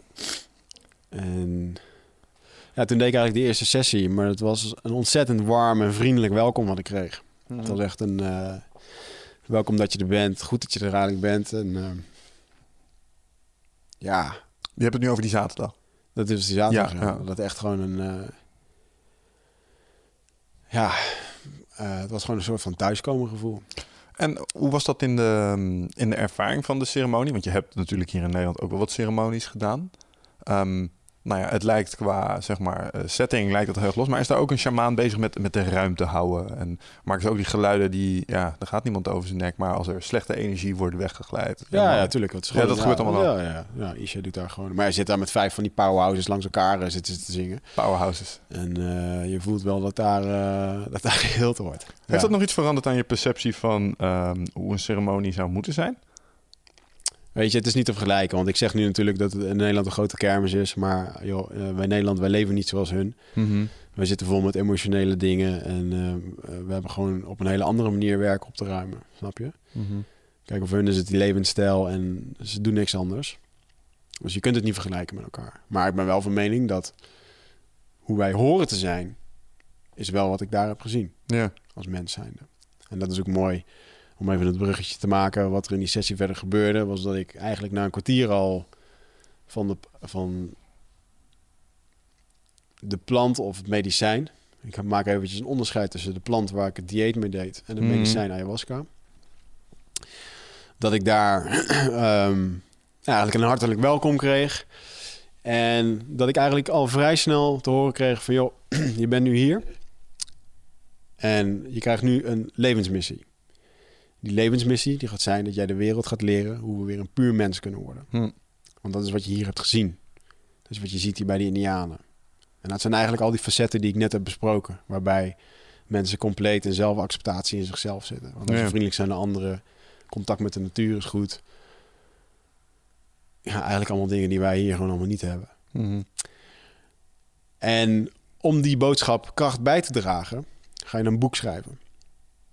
En ter, wanneer jij op de heilige ruimte aankomt, dan krijg je iedere dag een les. Iedere dag een hoofdstuk. Mijn eerste gedachte was, ik zit er 30 dagen. Hmm. Ik moet dingen gaan doen. Ja. dingen gaan doen. Is werk aan de winkel. En ehm, ja, dat voelde heel, ehm, heel fijn. En ik zou je zeggen, Mick, ik bedoel, ik heb altijd mijn dingen best wel aardig op orde. En met wat ik, eh, met wat ik wil en doelen stellen en zo. Maar Mhm.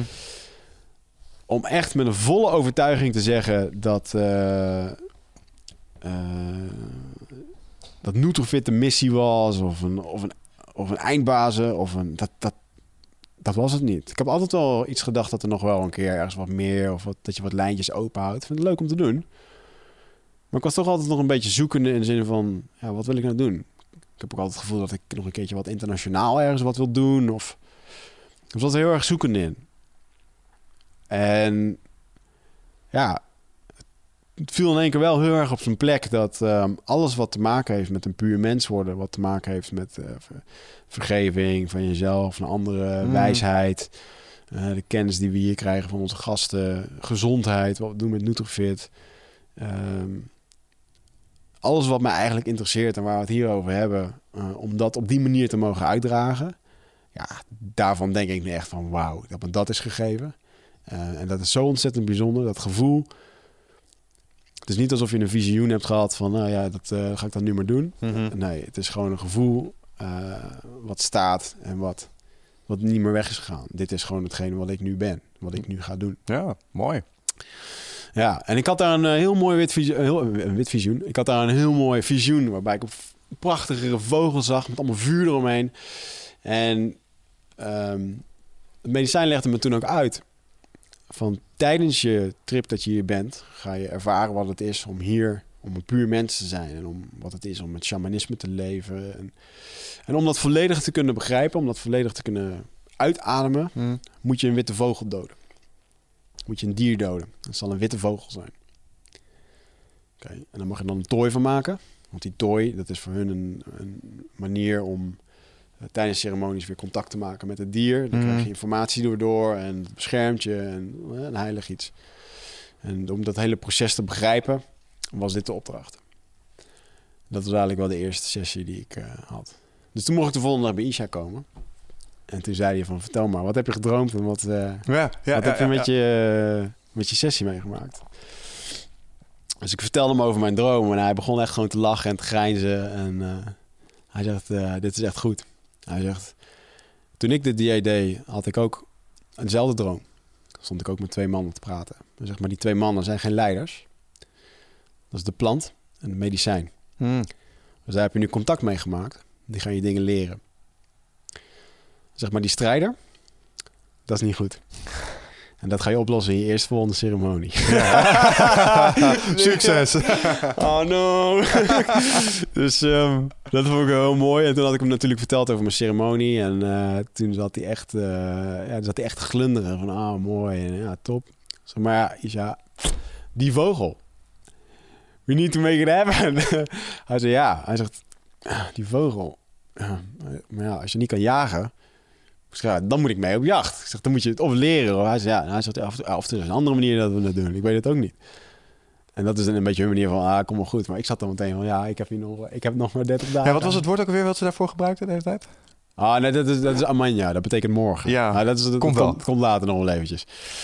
Maar een, ehm, dat zeg ik nu even tegen jou, zeg maar, van dat, dat onderdeeltje over Amanja, dat, dat zal ik Ja, later nog ja, even aantikken. Maar dit was nu gewoon even, ja, van joh, we hebben tijd genoeg, we kijken hoe we dit doen. En eh, ja, eh, ja, het kan wel. Maar ik had nog niet echt een definitieve ja van, eh, we, ja, we halen morgen een tooi voor je, weet je dus ehm, ja, toen gingen we naar de heilige ruimte een aantal dagen later.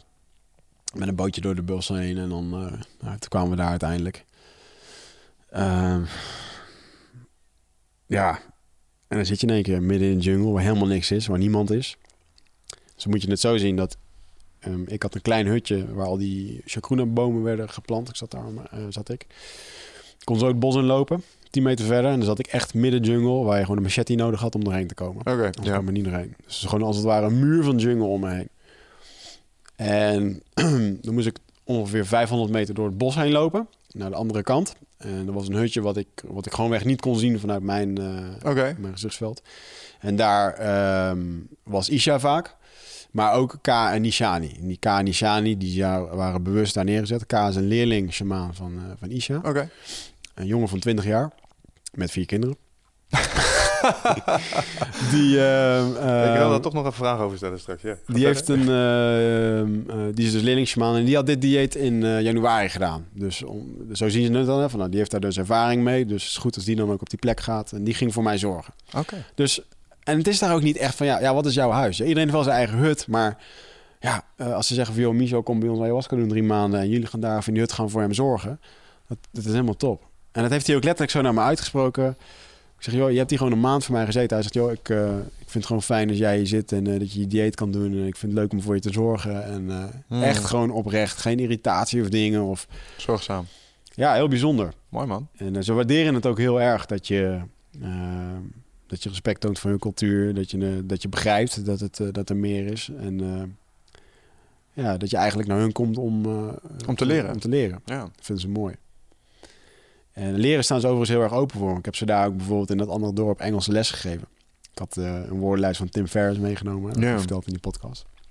En eh nou, dan zit ik op het schoolbord, zat ik gewoon les te geven. En dan schreven verkeers Portugees, dan Engels. En zij schreven de Hadja Queen achteraan, dus die heb ik ook opgeschreven. Dus zo Ah, komen we elkaar. We hebben echt gelachen, man. En dan, ja, dat is toch heel erg bijzonder dat... ehm, ja, met handen en voeten, jongen, kun je toch een heel eind komen. Mhm. Goede intenties.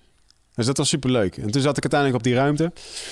Eh, nou, een beetje rondleiding gedaan. En aan de overkant had je dan ook een soort plantage die ze net helemaal af hadden gefikt. Ehm, dus er zat één hutje met een oudere man die daar zat. Ja, maar dat was het wel gewoon. Een riviertje. En eh, toen dacht ik wel echt van, oké, dus hier gaan we echt gewoon lang zitten. Ja. En toen had ik het er met de Isha over van ja, hoe gaan we dit dan doen? Want ik wil uh, ja, uh, medicijn drinken. En er had mij ook verteld uh, tijdens die ayahuasca-ceremonie had ehm, het medicijn mij verteld van iedere dag als je daar bent, iedere keer als je ayahuasca drinkt, Mhm. dan krijg je een nieuw hoofdstuk. Dus ik wist vanaf dag één dat ik daar moest gaan zitten. En wat het ook gewoon zei is dat als je dan gaat schrijven, dan gaan wij de woorden voor jou laten eh, opkomen. Mhm. En ik ben niet echt een schrijver of zo. Ik kan wel... Ik heb je handschrift gezien, dat kan ik beamen. Nee, juist, nou, dat is één. Maar ook echt gewoon het, eh, het schrijven zelf. Ja, ja, doe het niet heel graag of zo. Of, Ja, nou, nou als, je stukken, als, ik, als ik je stukken lees, er komt altijd wel leuke shit uit. Maar het proces om er te komen is gewoon Ja. niet leuk, denk ik. ja. Maar in ieder geval, eh, dat was, ja, dit was gewoon een... eh, ik wist het ook helemaal niet hoe of wat. Of waar ging ik dan over schrijven? Ja, hoe een puur mens. Ik had geen idee.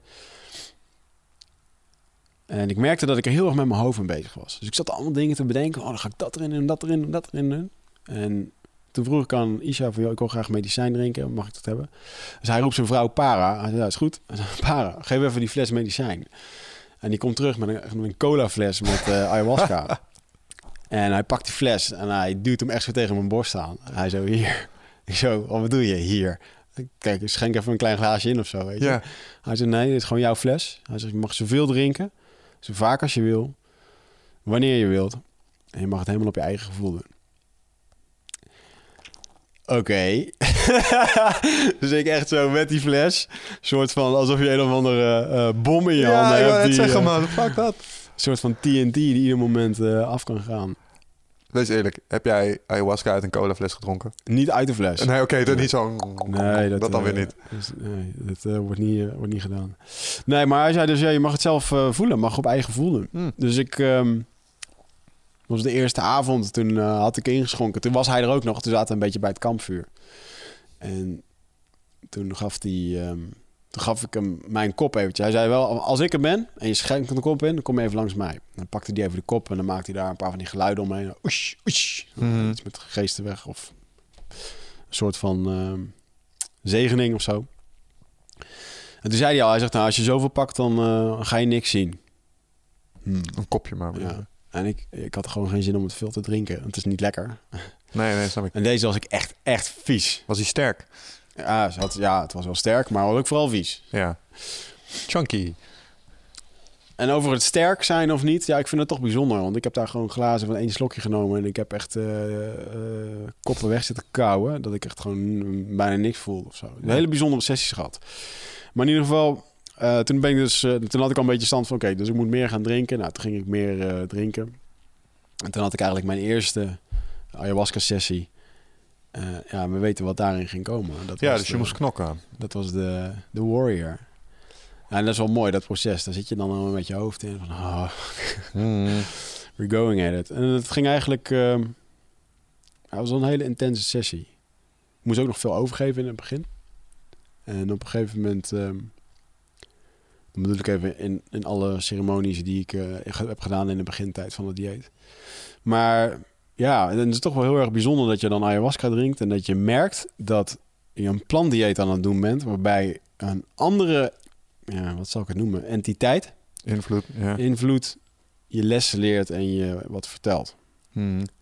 Dus ik zat eigenlijk ayahuasca te doen en ik had contact met een plant en met ayahuasca. Dat was heel bijzonder hoe dat, dat ging. En die eerste les die ging over zelfliefde. En die warrior werd me ook verteld. Die warrior is de warrior van zelfhaat. En ja, als je jezelf, als je niet lief bent voor jezelf, of Mm. niet liefdevol, of ehm, ik hoef jou niet te vertellen dat ik af en toe hard voor mezelf kan zijn. En, Ja, ja, ehm, ja. niet echt vergevend naar mezelf. Of ja, er werd eigenlijk wel eh, getoond dat daar eigenlijk alle slechte eigenschappen in zitten. Waardoor we onszelf niet fijn voelen over onszelf. Mhm. En toen vroeg ik van ja, wat kan ik er dan mee doen? Hoe kan ik hem verslaan?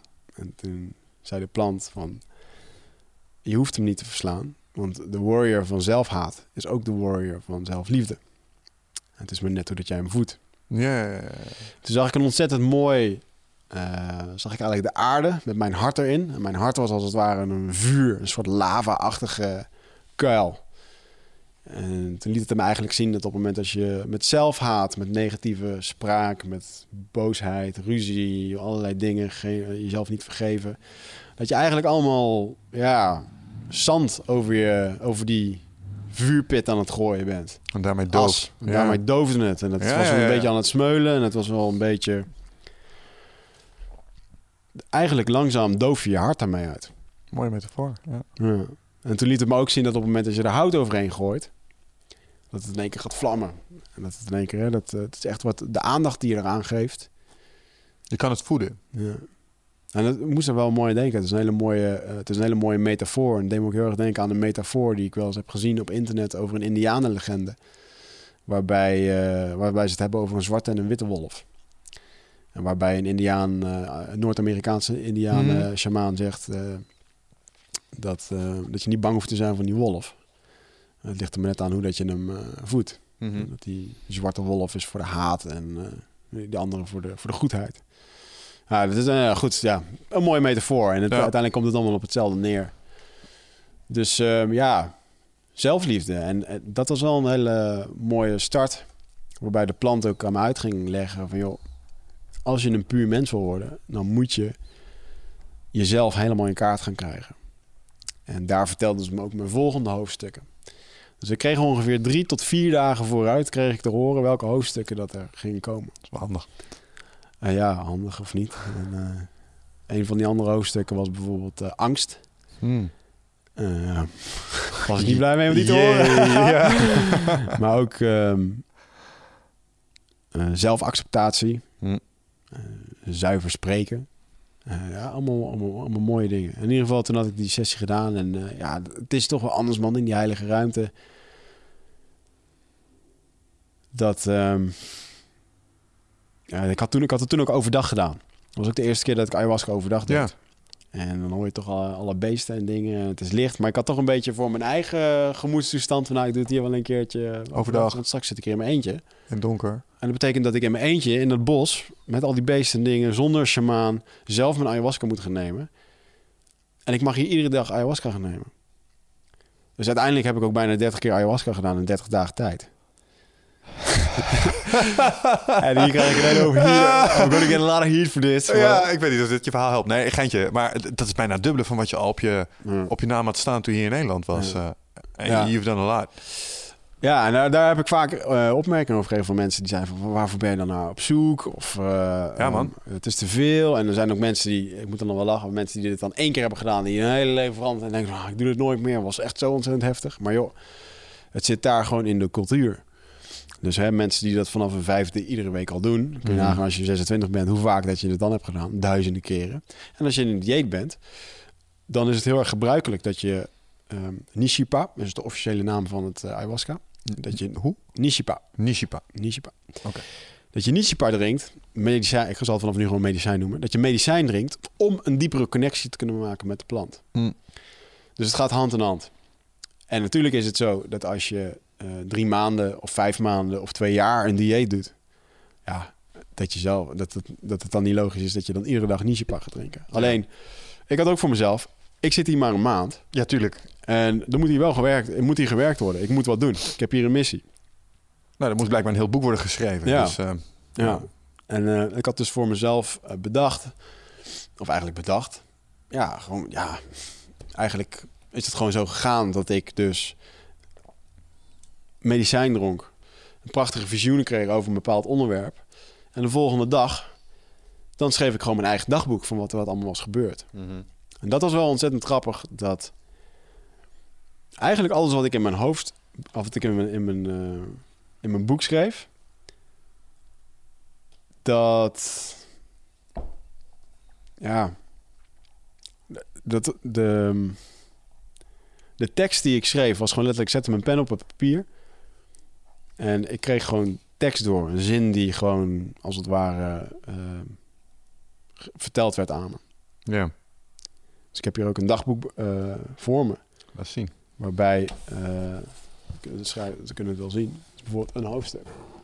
Waarbij eh 97 of 95 procent eigenlijk niet gekrast of gestreept of wat dan ook. Even in de microfoon, alsjeblieft. Oh, hoor je dit? Ja, dat is beter. Eh, dus dat er eigenlijk gewoon bijna niet ge- ges- gestreept of gekrast of wat dan ook is. Aha. Dat was een heel mooi boek, wat ik van mijn eh, lieve vrouw, slash vriendin Marieke, eh, heb ehm, mogen ontvangen voor mijn verjaardag. Een heel cool boek. Dit boek is, eh, is een dagboek, maar die kaft, dat vond ik wel cool. Het is van een ehm, boek uit Arabië, Hm. wat met goud geweven is, gewoven is. Dus het is een soort... dat is een tof...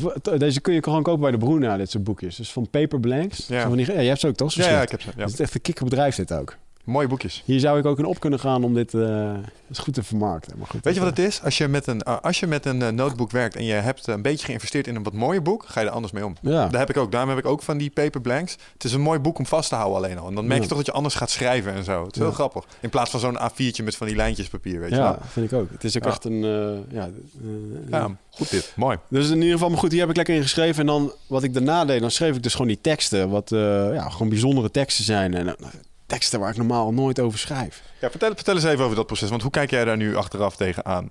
Ehm is, dat, eh, is dat een proces geweest waarbij jij, ehm, zeg maar... Jij bent je hele leven, zolang als ik jou ken... Nou, je hele leven is wat overdreven. Zolang als ik jou ken, professioneel, ben jij bezig met zelfontwikkeling. Ja. Lees jij boeken, luister jij podcasts, ben je Mhm. met allerlei esoterische zaken bezig.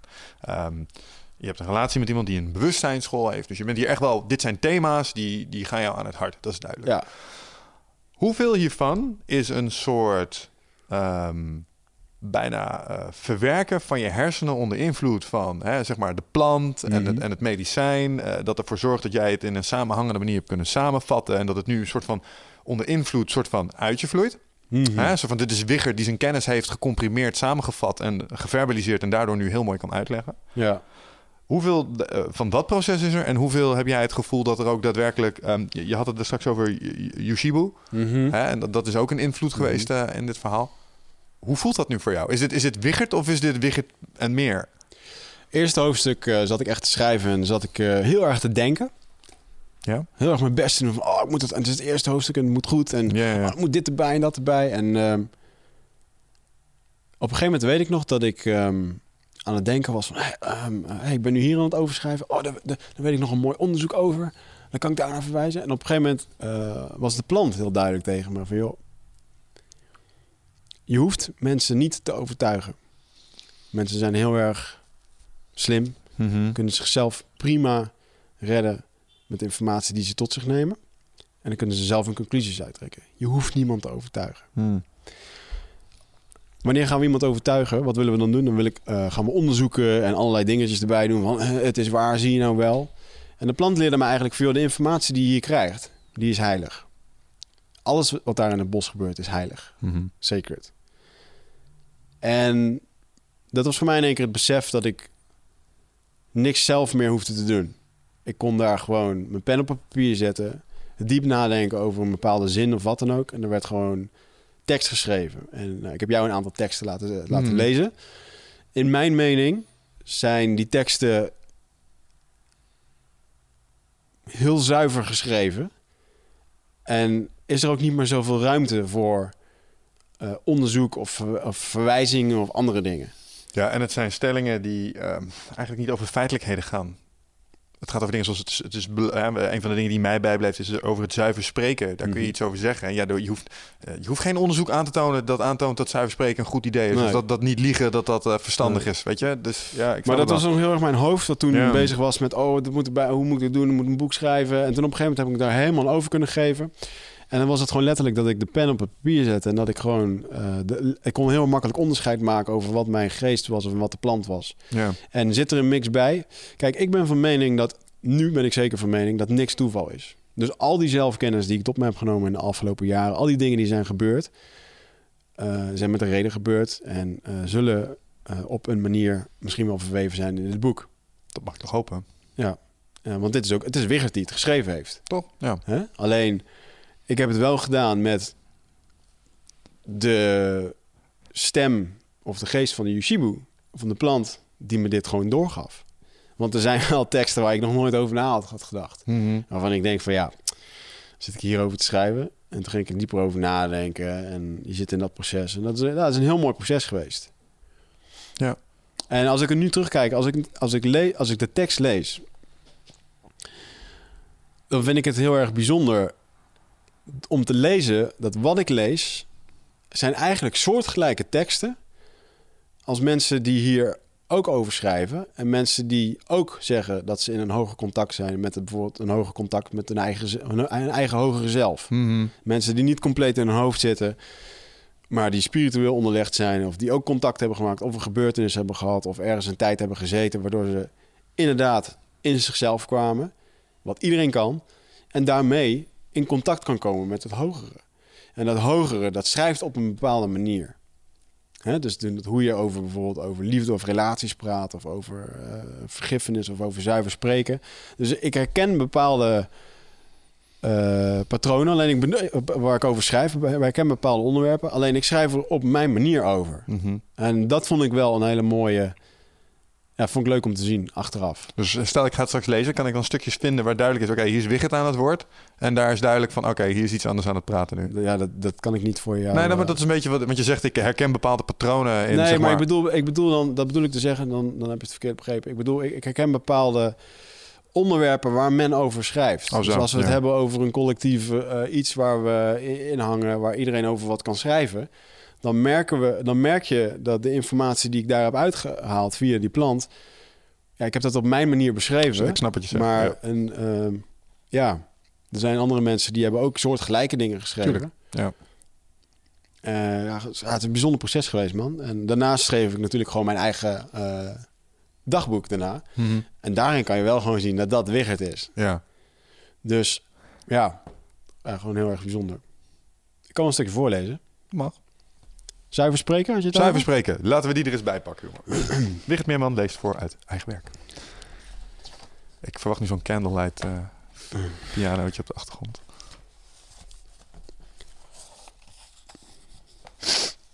Even kijken hoor. Oké. Oké, wat ik ga doen is de eerste alinea. Of eerste paragraaf.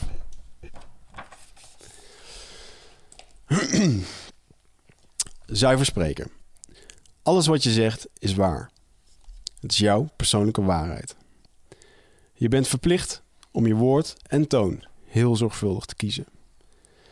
Deze keus geeft je de macht om je eigen waarheid te creëren. Het is je persoonlijke verantwoording om eigenaarschap te nemen over de woorden die je spreekt. Soms laten we emoties de overhand nemen en spreken we onzuiver. Woorden die gevuld zijn met haat, woede en verdriet. Woorden die bedoeld zijn om de ander pijn te doen. Het ego laat ons geloven dat we ons opgelucht zullen voelen als we de ander aanvallen. Het tegendeel is waar. Als we onzuiver spreken, pijnigen we vooral onszelf van binnen. We voeden de strijden van zelfhaat. Iedere keer als we weer over dat oude voorval spreken, als we schelden, kwetsen, liegen of roddelen, slaan we met de zweep onze wonden weer open. Eerste alinea. Ja. Ja, goed. eh, ja, ik heb natuurlijk een heel boek geschreven. Mhm.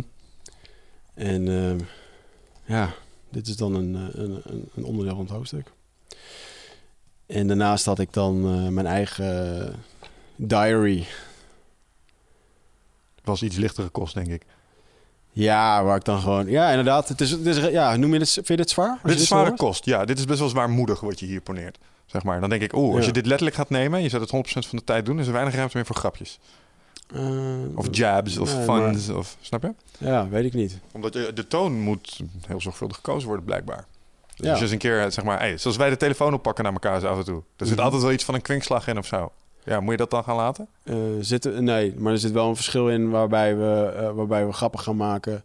Ja, eh, elkaar... naar iemand anders om, om elkaar gewoon te pijnigen. En dat is vaak wel wat, wat het ego ja, zo, bijvoorbeeld zo. doet? De intentie doet het toe, zeg maar. Een goed voorbeeld is bijvoorbeeld ehm, ehm, waarbij, een, ehm, waarbij jij bijvoorbeeld een keertje bij mijn vrienden zou komen Mhm. en ik meteen een of andere lullige soort funny-achtige grap maak over jou.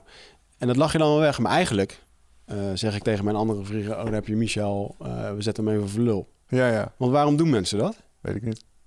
Is dat omdat ze het leuk vinden? eh, eigenlijk, ik ben van mening dat het het ego is. Dat In sommige gevallen is het genegenheid. Ik kan mijn dynamieken met vrienden voorstellen. Bijvoorbeeld op de gym kom je binnen. Hmm. hey, lelijk Lachen is prima. Schiet je in de stuip, krijg je een Ja. koffie. Weet je, was klaar. Ja. Ik weet niet of dat nou echt uh, filijne intenties heeft. Maar ik weet ook dat je de situaties kent waarbij...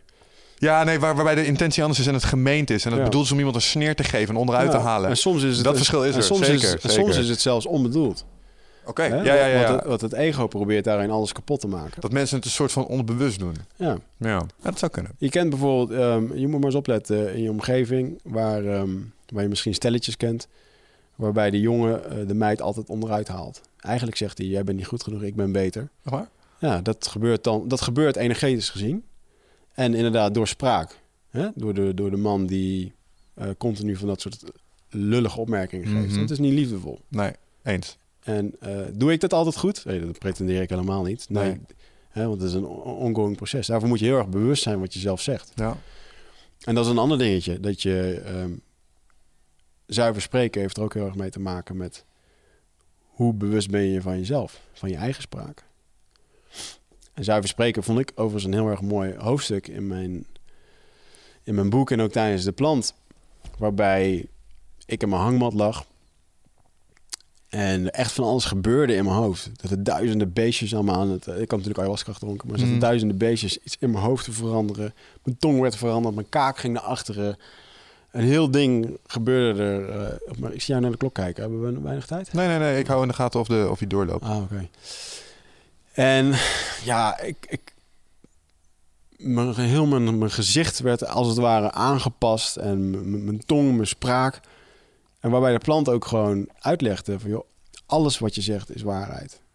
En je bent nu dit plantdieet aan het doen. Hmm. De kracht van de plant, nou, die is je bekend, die heb ik zo straks uitgelegd. Maar het is wel zo dat op het moment als jij over jezelf zegt dat je iets niet waar bent of dat je iets niet kan, Mhm. alles wat je zegt is waar. Alleen het is wel jouw waarheid. Alles wat je zegt komt ook uit. Dus wees ook heel erg voorzichtig wat je uitspreekt. Ik ben het daar wel mee eens dat op het moment dat jij hardop uitspreekt dat je een bepaalde stelling of beperkte overtuiging over jezelf hebt voor anderen, dan geef je dat energie, geef je dat kracht mee. Ik zie jou sceptisch kijken. Nee, nee, helemaal niet. Nee, ik, zit ik pro- probeer dan eh, zeg maar het voorbeeld eh, eh, door te trekken. En dan denk ik, oké, dus als ik nu ga zeggen dat ik de volgende Dan Bilzerian word, dan gaan we dat lukken. Weet je, was het maar zo simpel? Ik denk, ik denk dat dat misschien wat nou kort ja, gedacht goed. is. Ja, de, de- de- Maar ik snap wel wat je zegt, want het zet je intentie wel. Kijk, als jij, als jij dat uiteindelijk eh, wil, dan zal je daar waarschijnlijk wel een manier op vinden waarom dat wel kan. Ja, dus dat wat het is. Het geeft focus aan je. Door dingen uit te spreken maak je het manifest. Maar dat is een mooie.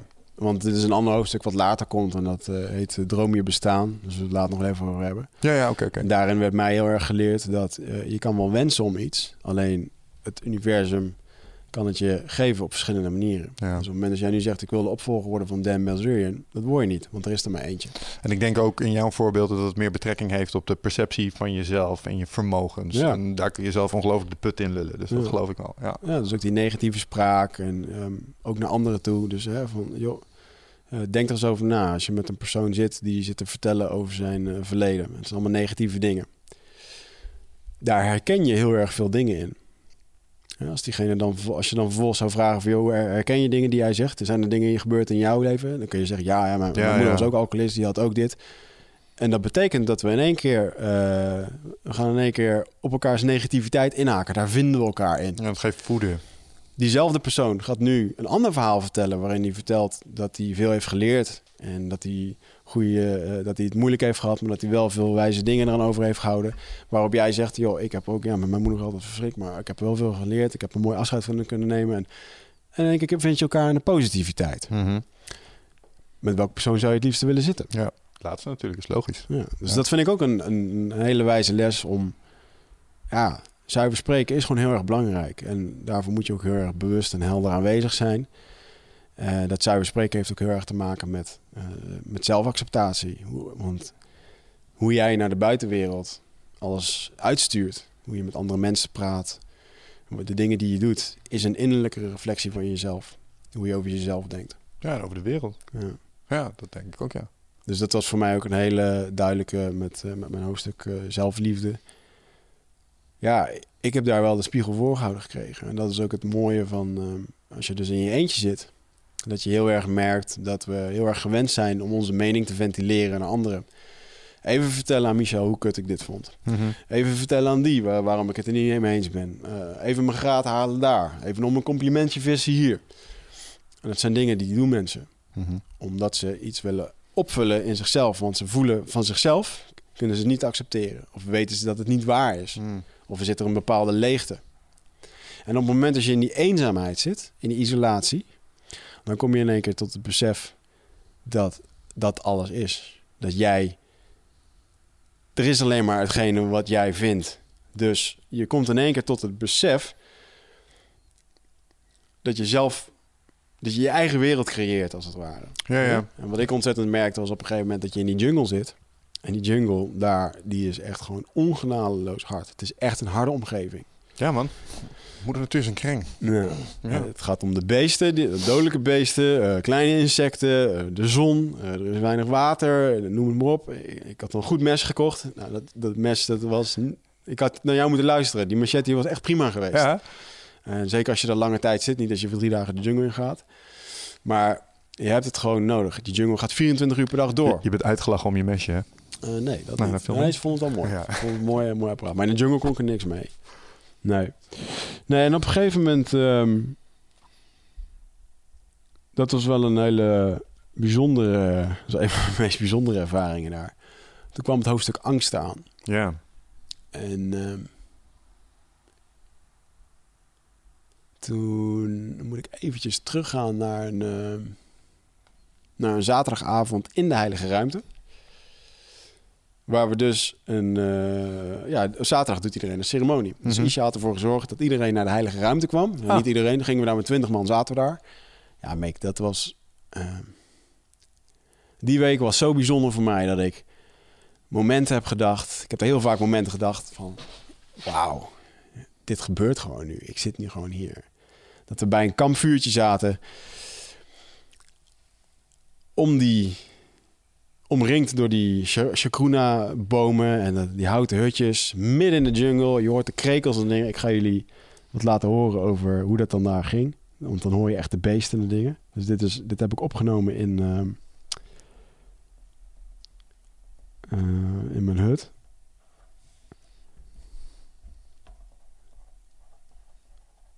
Dus dan, dan hoor je de geluiden. Dit is gewoon wat je s'nachts hoort.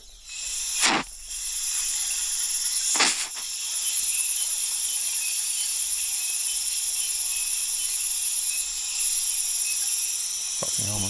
Ja, je hoort het goed, hoor. Ja, oké. Nou, dus dat gaat 24 uur per dag door. Want 's ochtends als het licht wordt, dan gaat de andere helft van het bos aan. Die gaat dan lopen tetteren. Dus het is een, het is een circus. Er is, er is geen rust. Het is de natuurlijke stilte. Maar er is geen absolute stilte zoals wij dat Mhm. hier kennen. Nou, als je dan vervolgens een... heb je een ayahuasca-sessie daar. Dan hoor je gewoon de beesten er tussendoor. Ja, jongen, dit was zo ontzettend mooi. Dit was de avond dat ik mijn... eh, dat het een open sterrenhemel was. Ik ga hem even uit. Is het irritant als je het op de achtergrond hoort? Nee, ik vind het leuk klinken. Het was de avond dat er een open sterrenhemel was. Dat ik duizenden sterren zag. Fantastisch. Maar het zeggen, geen lichtvervuiling. Geen lichtvervuiling. Ja, daar had jij het toen over. Dat Ja, wij zien dat hier je waarschijnlijk sterren. mooier is. Ja, we zien hier echt maar like 5% van de sterren die je kan Ik zien met dat je het naakte maken had dat daar zie je gewoon weer sterren. Nee, nee, nee. de- de- Dit is gewoon, de lichtvervuiling is weg. Dus je ziet gewoon meer van het licht dat uit de ruimte komt. En Ja. eh, het is niet dat daar magisch, dat daar duizend meer sterren in de lucht hangen. Het is gewoon, je ziet meer. Ik ga ondertussen wat eten, want ik zit echt al twee te kletsen volgens mij zonder Ja, slokken van het is trouwens lekker bananenbrood. Mm, Zelf gemaakt, hoor. ja, Ja, nice. lekker. Goed gedaan. Beter als die stroopwafels die we aten hier. Bananenbrood met um, Nutrofit wijpoeder. Zullen we ook nog maar even een kopje thee doen? Mag dat? Ja, Ja, is dat een goed idee? cashewnoten. En ehm speldmeel erin. Dat is wel lekker. Kookles. Ja. Moest wel ontzettend lachen toen ik de podcast aan het terugluisteren was van de vorige. Op het vliegveld heb ik die nog eventjes geluisterd. Dat Michel op dit moment aan het vertellen was dat hij de Nutrifit-rekening zou plunderen met eh, koken en eh, hoeren. Ik heb, nog niet, ik heb gewoon bewust niet op de rekening gekeken. Ik zag wel dat in één keer veel meer fans hadden. Ja, het was echt een mooi feest. Ja.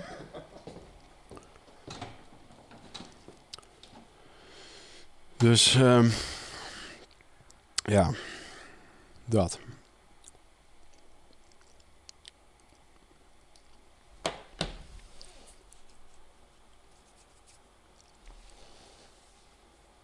En nu is hij naar de wc, dus ik zit eventjes de tijd vol te lullen. Ik ga de tijd even vol lullen. Eh, eh, kleine, dat is wel leuk voor jullie. Om ehm 7 januari, dan hebben wij een uh, eindbazen New Year's kick-off op de bewustzijnsschool in Amsterdam. En wat we doen is dat we eindbazen fans de kans geven om bij ons in de podcast te komen. En dan moet je wel een mooi verhaal hebben wat eindbazen voor jou heeft gebracht. Misschien dat eindbazen jou eh, een nieuw doel heeft geleverd of dat je gewoon een eh, ja, een mooie, eh, mooie stap hebt gemaakt in je leven. Of dat je je leven weer op de rit hebt gekregen door eh Michel zijn advies of, of mijn advies. En dat zijn de verhalen waar we naar op zoek zijn. Dus die kun je eventjes mailen via ons contactformulier op onze website. En dan pikken we daar de, de leukste verhalen uit. En dan eh, gaan we eigenlijk gewoon een podcast houden waar we fans vijf of tien minuten even eh, aan het woord eh, laten.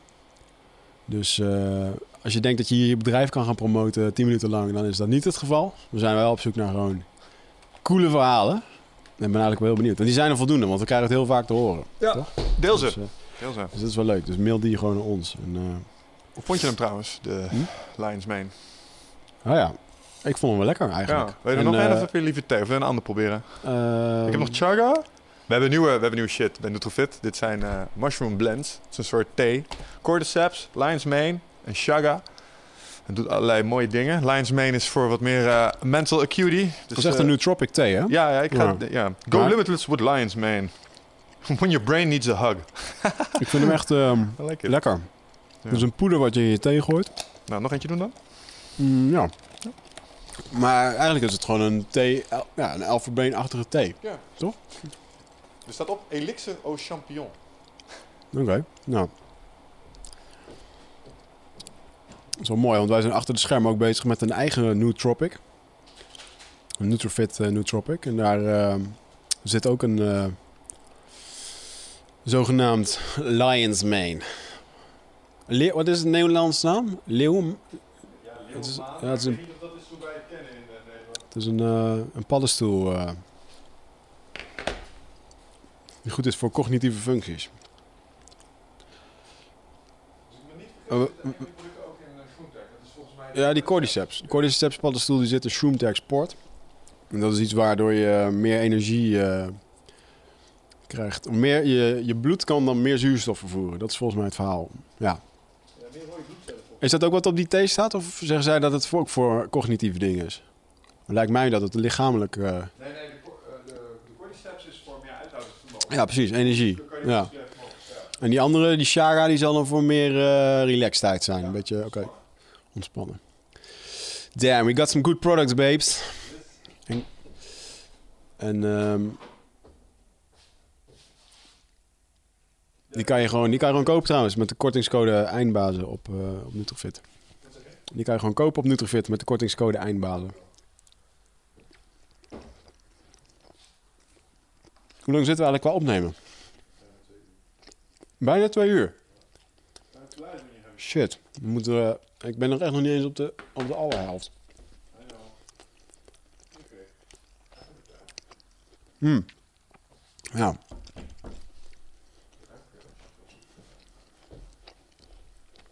Lekker. There we go. Alright man. Ja. Waar was ik? Mm, volgens mij eh, hadden we de eerste ceremonie eh al Oh ja. besproken. Was, was dit ook, maar die zat met 20 indianen, zat je Ik zat met die, in je ehm, hut. Nou, maar nou, het ging over die momenten. Hè? Dus ik zit daar. Je hoorde net de geluiden met al die beesten en zo. En dan zit je daar bij die hut. Pikdonker. En het was een heel klein kampvuurtje. En dan zat ik daar soms gewoon op eh, een doordeweekse dinsdagavond. Met Isha en eh, misschien nog twee of drie anderen. Dan zaten we er gewoon met z'n vieren en dan ging ik gewoon medicijn drinken. En dan zaten hun daar gewoon lekker een beetje gitaar te spelen bij het vuur. En soms dronken ze mee medicijn. Soms waren ze gewoon van, ja, ik doe ook al mee. En dan eh, had je gewoon een ceremonietje met z'n tweeën. En ik weet nog wel dat ik daar...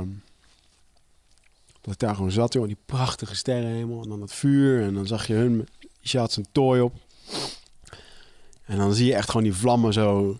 Het was net een film, man. Dan zie je Ja, gewoon die man bij het vuur zitten... met zijn gitaar, met zijn dingen doen... terwijl dat vuur, dat zit te wakkeren. Je ziet die schaduw heen en weer.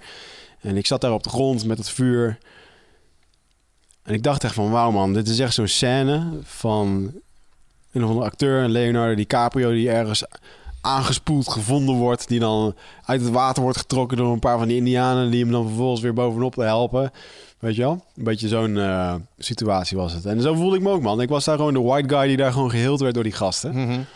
En ehm, ja, ik heb er veel. Dat waren de mooie kleine dankbare momentjes, man. Dat ik daar zo eh, mocht zitten. En dat is ook de avond dat eh, Isha mijn eh Honey Queen naam gaf. Ja. Bishinawa. Ja, want daar hebben we grapjes over gemaakt over het begin, hè? Zit er eens te komen met een nieuwe naam? you would never hear the end of it. Maar Precies. Bishinawa. En dat heeft een mooie betekenis volgens mij, hè? Ja. Witte man van de sterren. White man from the stars. Ja. Ja. Bishi betekent. eh, Daar zit vast een idee achter waarom ze je zo genoemd hebben. Ja, iedereen krijgt daar een naam ehm, op basis van waar die vandaan komt. Mm. Dus het kan uit, eh, je kan een persoon zijn qua geest, ziel uit het water of uit de grond of, eh, ja, of uit de sterren. Hm. En eh, daar was ik eigenlijk wel heel blij mee.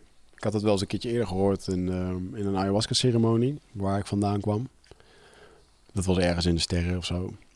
Heb ik ook wel eens verteld hier volgens mij. En ehm, Dat die dame je vertelde. Dat, je Dat die dame vertelde, ja.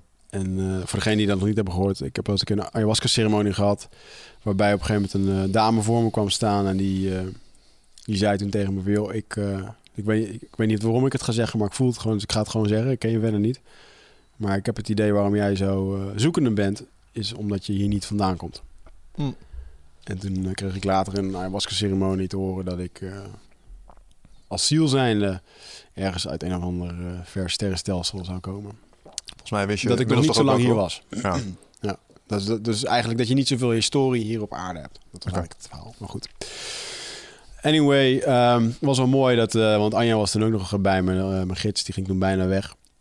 En eh, wat ben ik overigens blij dat die met mij mee was. Echt, eh, Hmm. eh, je moet het voorstellen. Ah, super lieve meid. En heel erg verbonden met de cultuur van hun Ja, wat doet zij daar dat ze hier zo... Ze is ja, zij, is een, zij is een guardian. Dus zij Oké. zet zich in voor de bescherming van de cultuur. En zij is creative dir- director in Brazilië.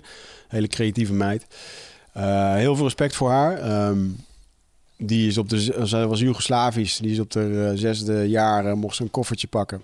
Eén koffertje. Eh, en er stond een bus klaar. Je mocht, eh, je mocht niet kiezen in welke bus. Je werd gewoon op een bus gezet. En die, is, eh, die kwam uiteindelijk in Frankrijk uit als vluchteling. Ja. Wauw. Ja, dus die is daar lekker opgegroeid en ehm, woont nu in Brazilië. Ehm, ik noem haar, ik, je kan haar de beste de, ehm, voorstellen als... Je kent Friends, die serie? Mhm. Zij is Phoebe, Oh, oké. oké, ja, maar dan ja, met een Braziliaans slash Frans accent. En ik moest daar altijd echt heel erg om lachen. En een onwijze eh, eh, creative director zijn creatieve, een onwijze chaot. Die kon echt drie keer per dag er, eh, de tas uitpakken en, en doen. En, Dingen kwijt zijn. ja, maar wel een ont- ontzettend goede hulp met het vertalen en doen. En je moet het zo zien dat... Het, eh, ze sprak goed Portugees, maar zelfs zij kon af en toe gewoon niet dingen uitgelegd krijgen. Dat is het gewoon toch te beperkt. Of, Mhm. Maar het was wel heel belangrijk voor de dingen die ik nu allemaal vertel... over de start van mijn dieet, Mm. eh, dat soort dingen... Die, heb ik, die had ik anders niet kunnen weten. Dus... ehm, ehm, Dankzij haar. ja, dat is wel, eh, vond ik wel eens heel fijn. En ja, wat Isha toen ook uitlegde was... ehm, of wat was nou de reden dat hij mijn naam gaf? Hij zei... eh, ja, eh, dat dit dieet me veel spirituele verlichting zou gaan geven.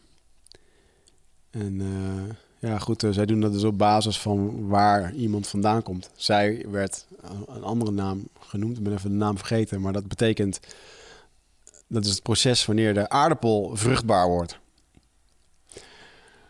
Ja, dat is niet echt een heel sexy naam, zeg maar. Maar Maar ik stiekem ook een beetje toen ik hoorde dat je met de aardappelplant werkte. Toen dacht ik, dit is niet een hele sexy plant of. Nee, nee, maar het is dus, dus voor hun heilig. Hmm. En eh, dit is een van de belangrijkste processen in hun geschiedenis, voor, ook voor andere planten en zo.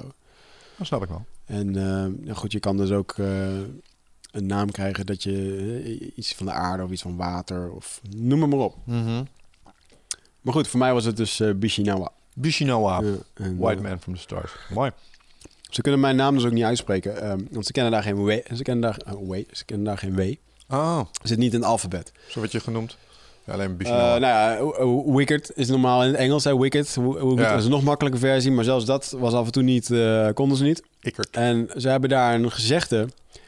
eh, op een gegeven moment zei ik van, weet je, noem maar gewoon wig. Eh, maar wig, ze kennen dus de W niet. Hmm. Maar voor hun klonk dat als een gezegde wat hun hebben wanneer er nieuwe regen komt. Oh. En dan wordt er U-I-X gezegd. Wig, wig. oh. Dat is voor hun. Wig. Dus ze noemden mij wig. en ze noemen je dan Tsai. Tsai betekent vriend. Dus ik, eh, eigenlijk was mijn naam 9, van de 10 keer Tsai Wig. Of eh Bishiwana. Ja. Bishinawa. En eh, ik luisterde naar buiten. Naar buiten. Wat grappig, man. Ja, dat was wel heel mooi. Maar goed, ja, en dat, dat, dat, zijn kickmomenten, man. Dan lig je daar bij dat kampvuurtje en dan geeft zo'n shamaan... je ge- geeft gewoon op dat moment je de naam. Ja, dat is Ja. gewoon cool, weet je. Ik krijg daar nu nog kippenvel van als ik aan dat moment denk. Ja. En dan eh, ja, die sterren en al die vogels en dingen. Prachtig. Toen gingen we op een gegeven moment een... eh, hadden we een zaterdagavondceremonie daar. En hoeveel tijd hebben we nog? Laat maar zien. Ehm, oh. Echt waar? Het is pas twee uur, jongen. Tijd staat. Hoeveel hebben we opgenomen? 140 minuten. En dan is het een hele mooie... Dan ga ik dit verhaal voor de helft vertellen. Ja. En de volgende keer dan starten we met het eh, andere verhaal. We gaan, hem, we gaan hem in twee sessies opnemen. Ja. Oké. Nou, dat denk ik wel. Is Nou, wel ik weet niet hoeveel tijd we nog nodig hebben. Ja, dit is, we zijn op dag drie van mijn dieet. Ja, dus we gaan nog wel een keertje moeten zitten. Zullen we niet gewoon back-to-back opnemen dan? Dan Gooi je gewoon de agenda leeg en dan... Hm? Ja. Oh, maar zo, we kunnen hem nu toch gewoon... Oh, je bedoelt dat we hem nu opnemen? Oh. Eén stuk. Maar we kunnen nu toch niet continu opnemen, want er is de tijd op. Wie zegt dat? Hij gaat nog wel even door. Ja, Je technisch wonder. Die harde zit niet vol. oké. Gaan we door. Kunnen we eindeloos doorlullen. Eh, Vol, volgens nog wel. Totdat ik zeg, maar nou het is wil wel het mooi echt als ik dit verhaal voor de helft vertel. Ja. Dan weet ik zeker dat we volgende keer een hele...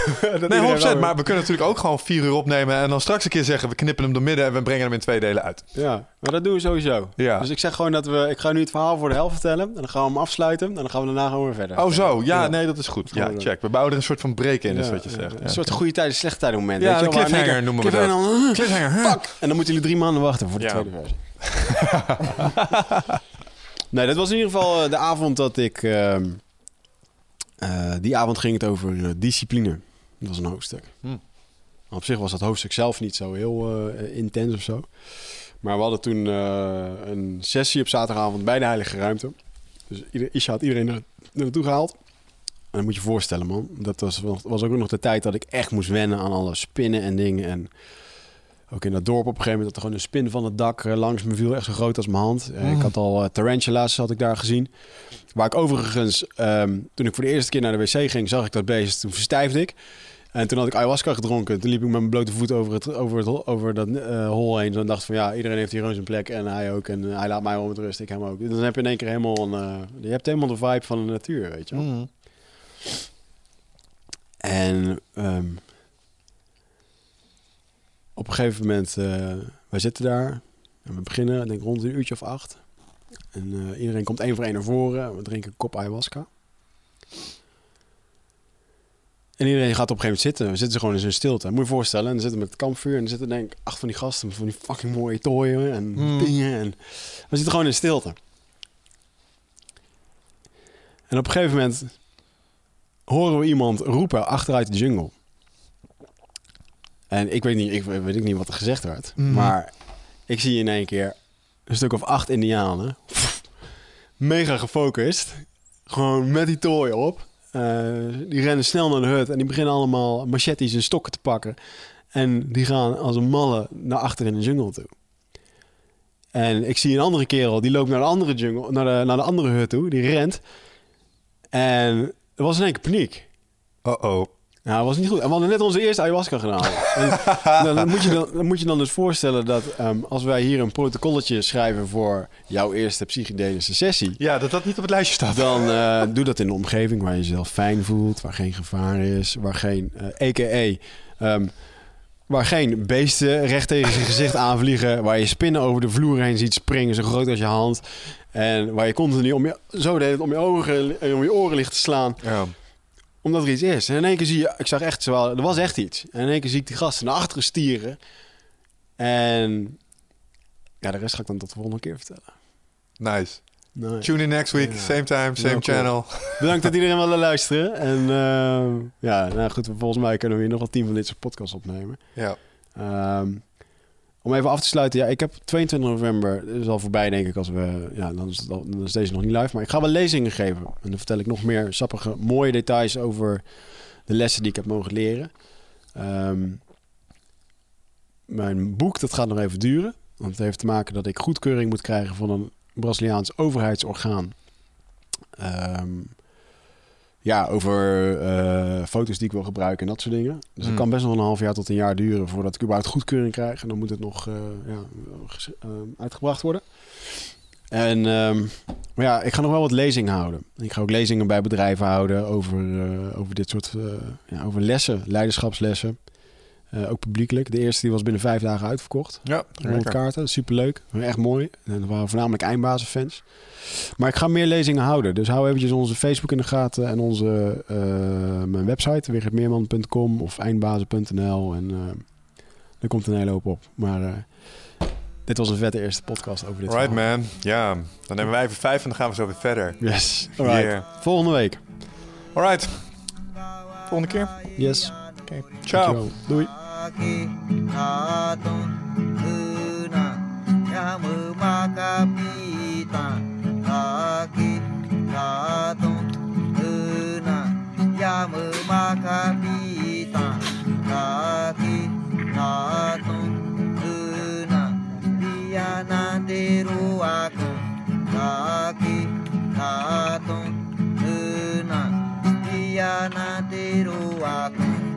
aqui na tuna Rau, hau hau pasang sana patang mari kare né? pakucing ha ha ha ha he he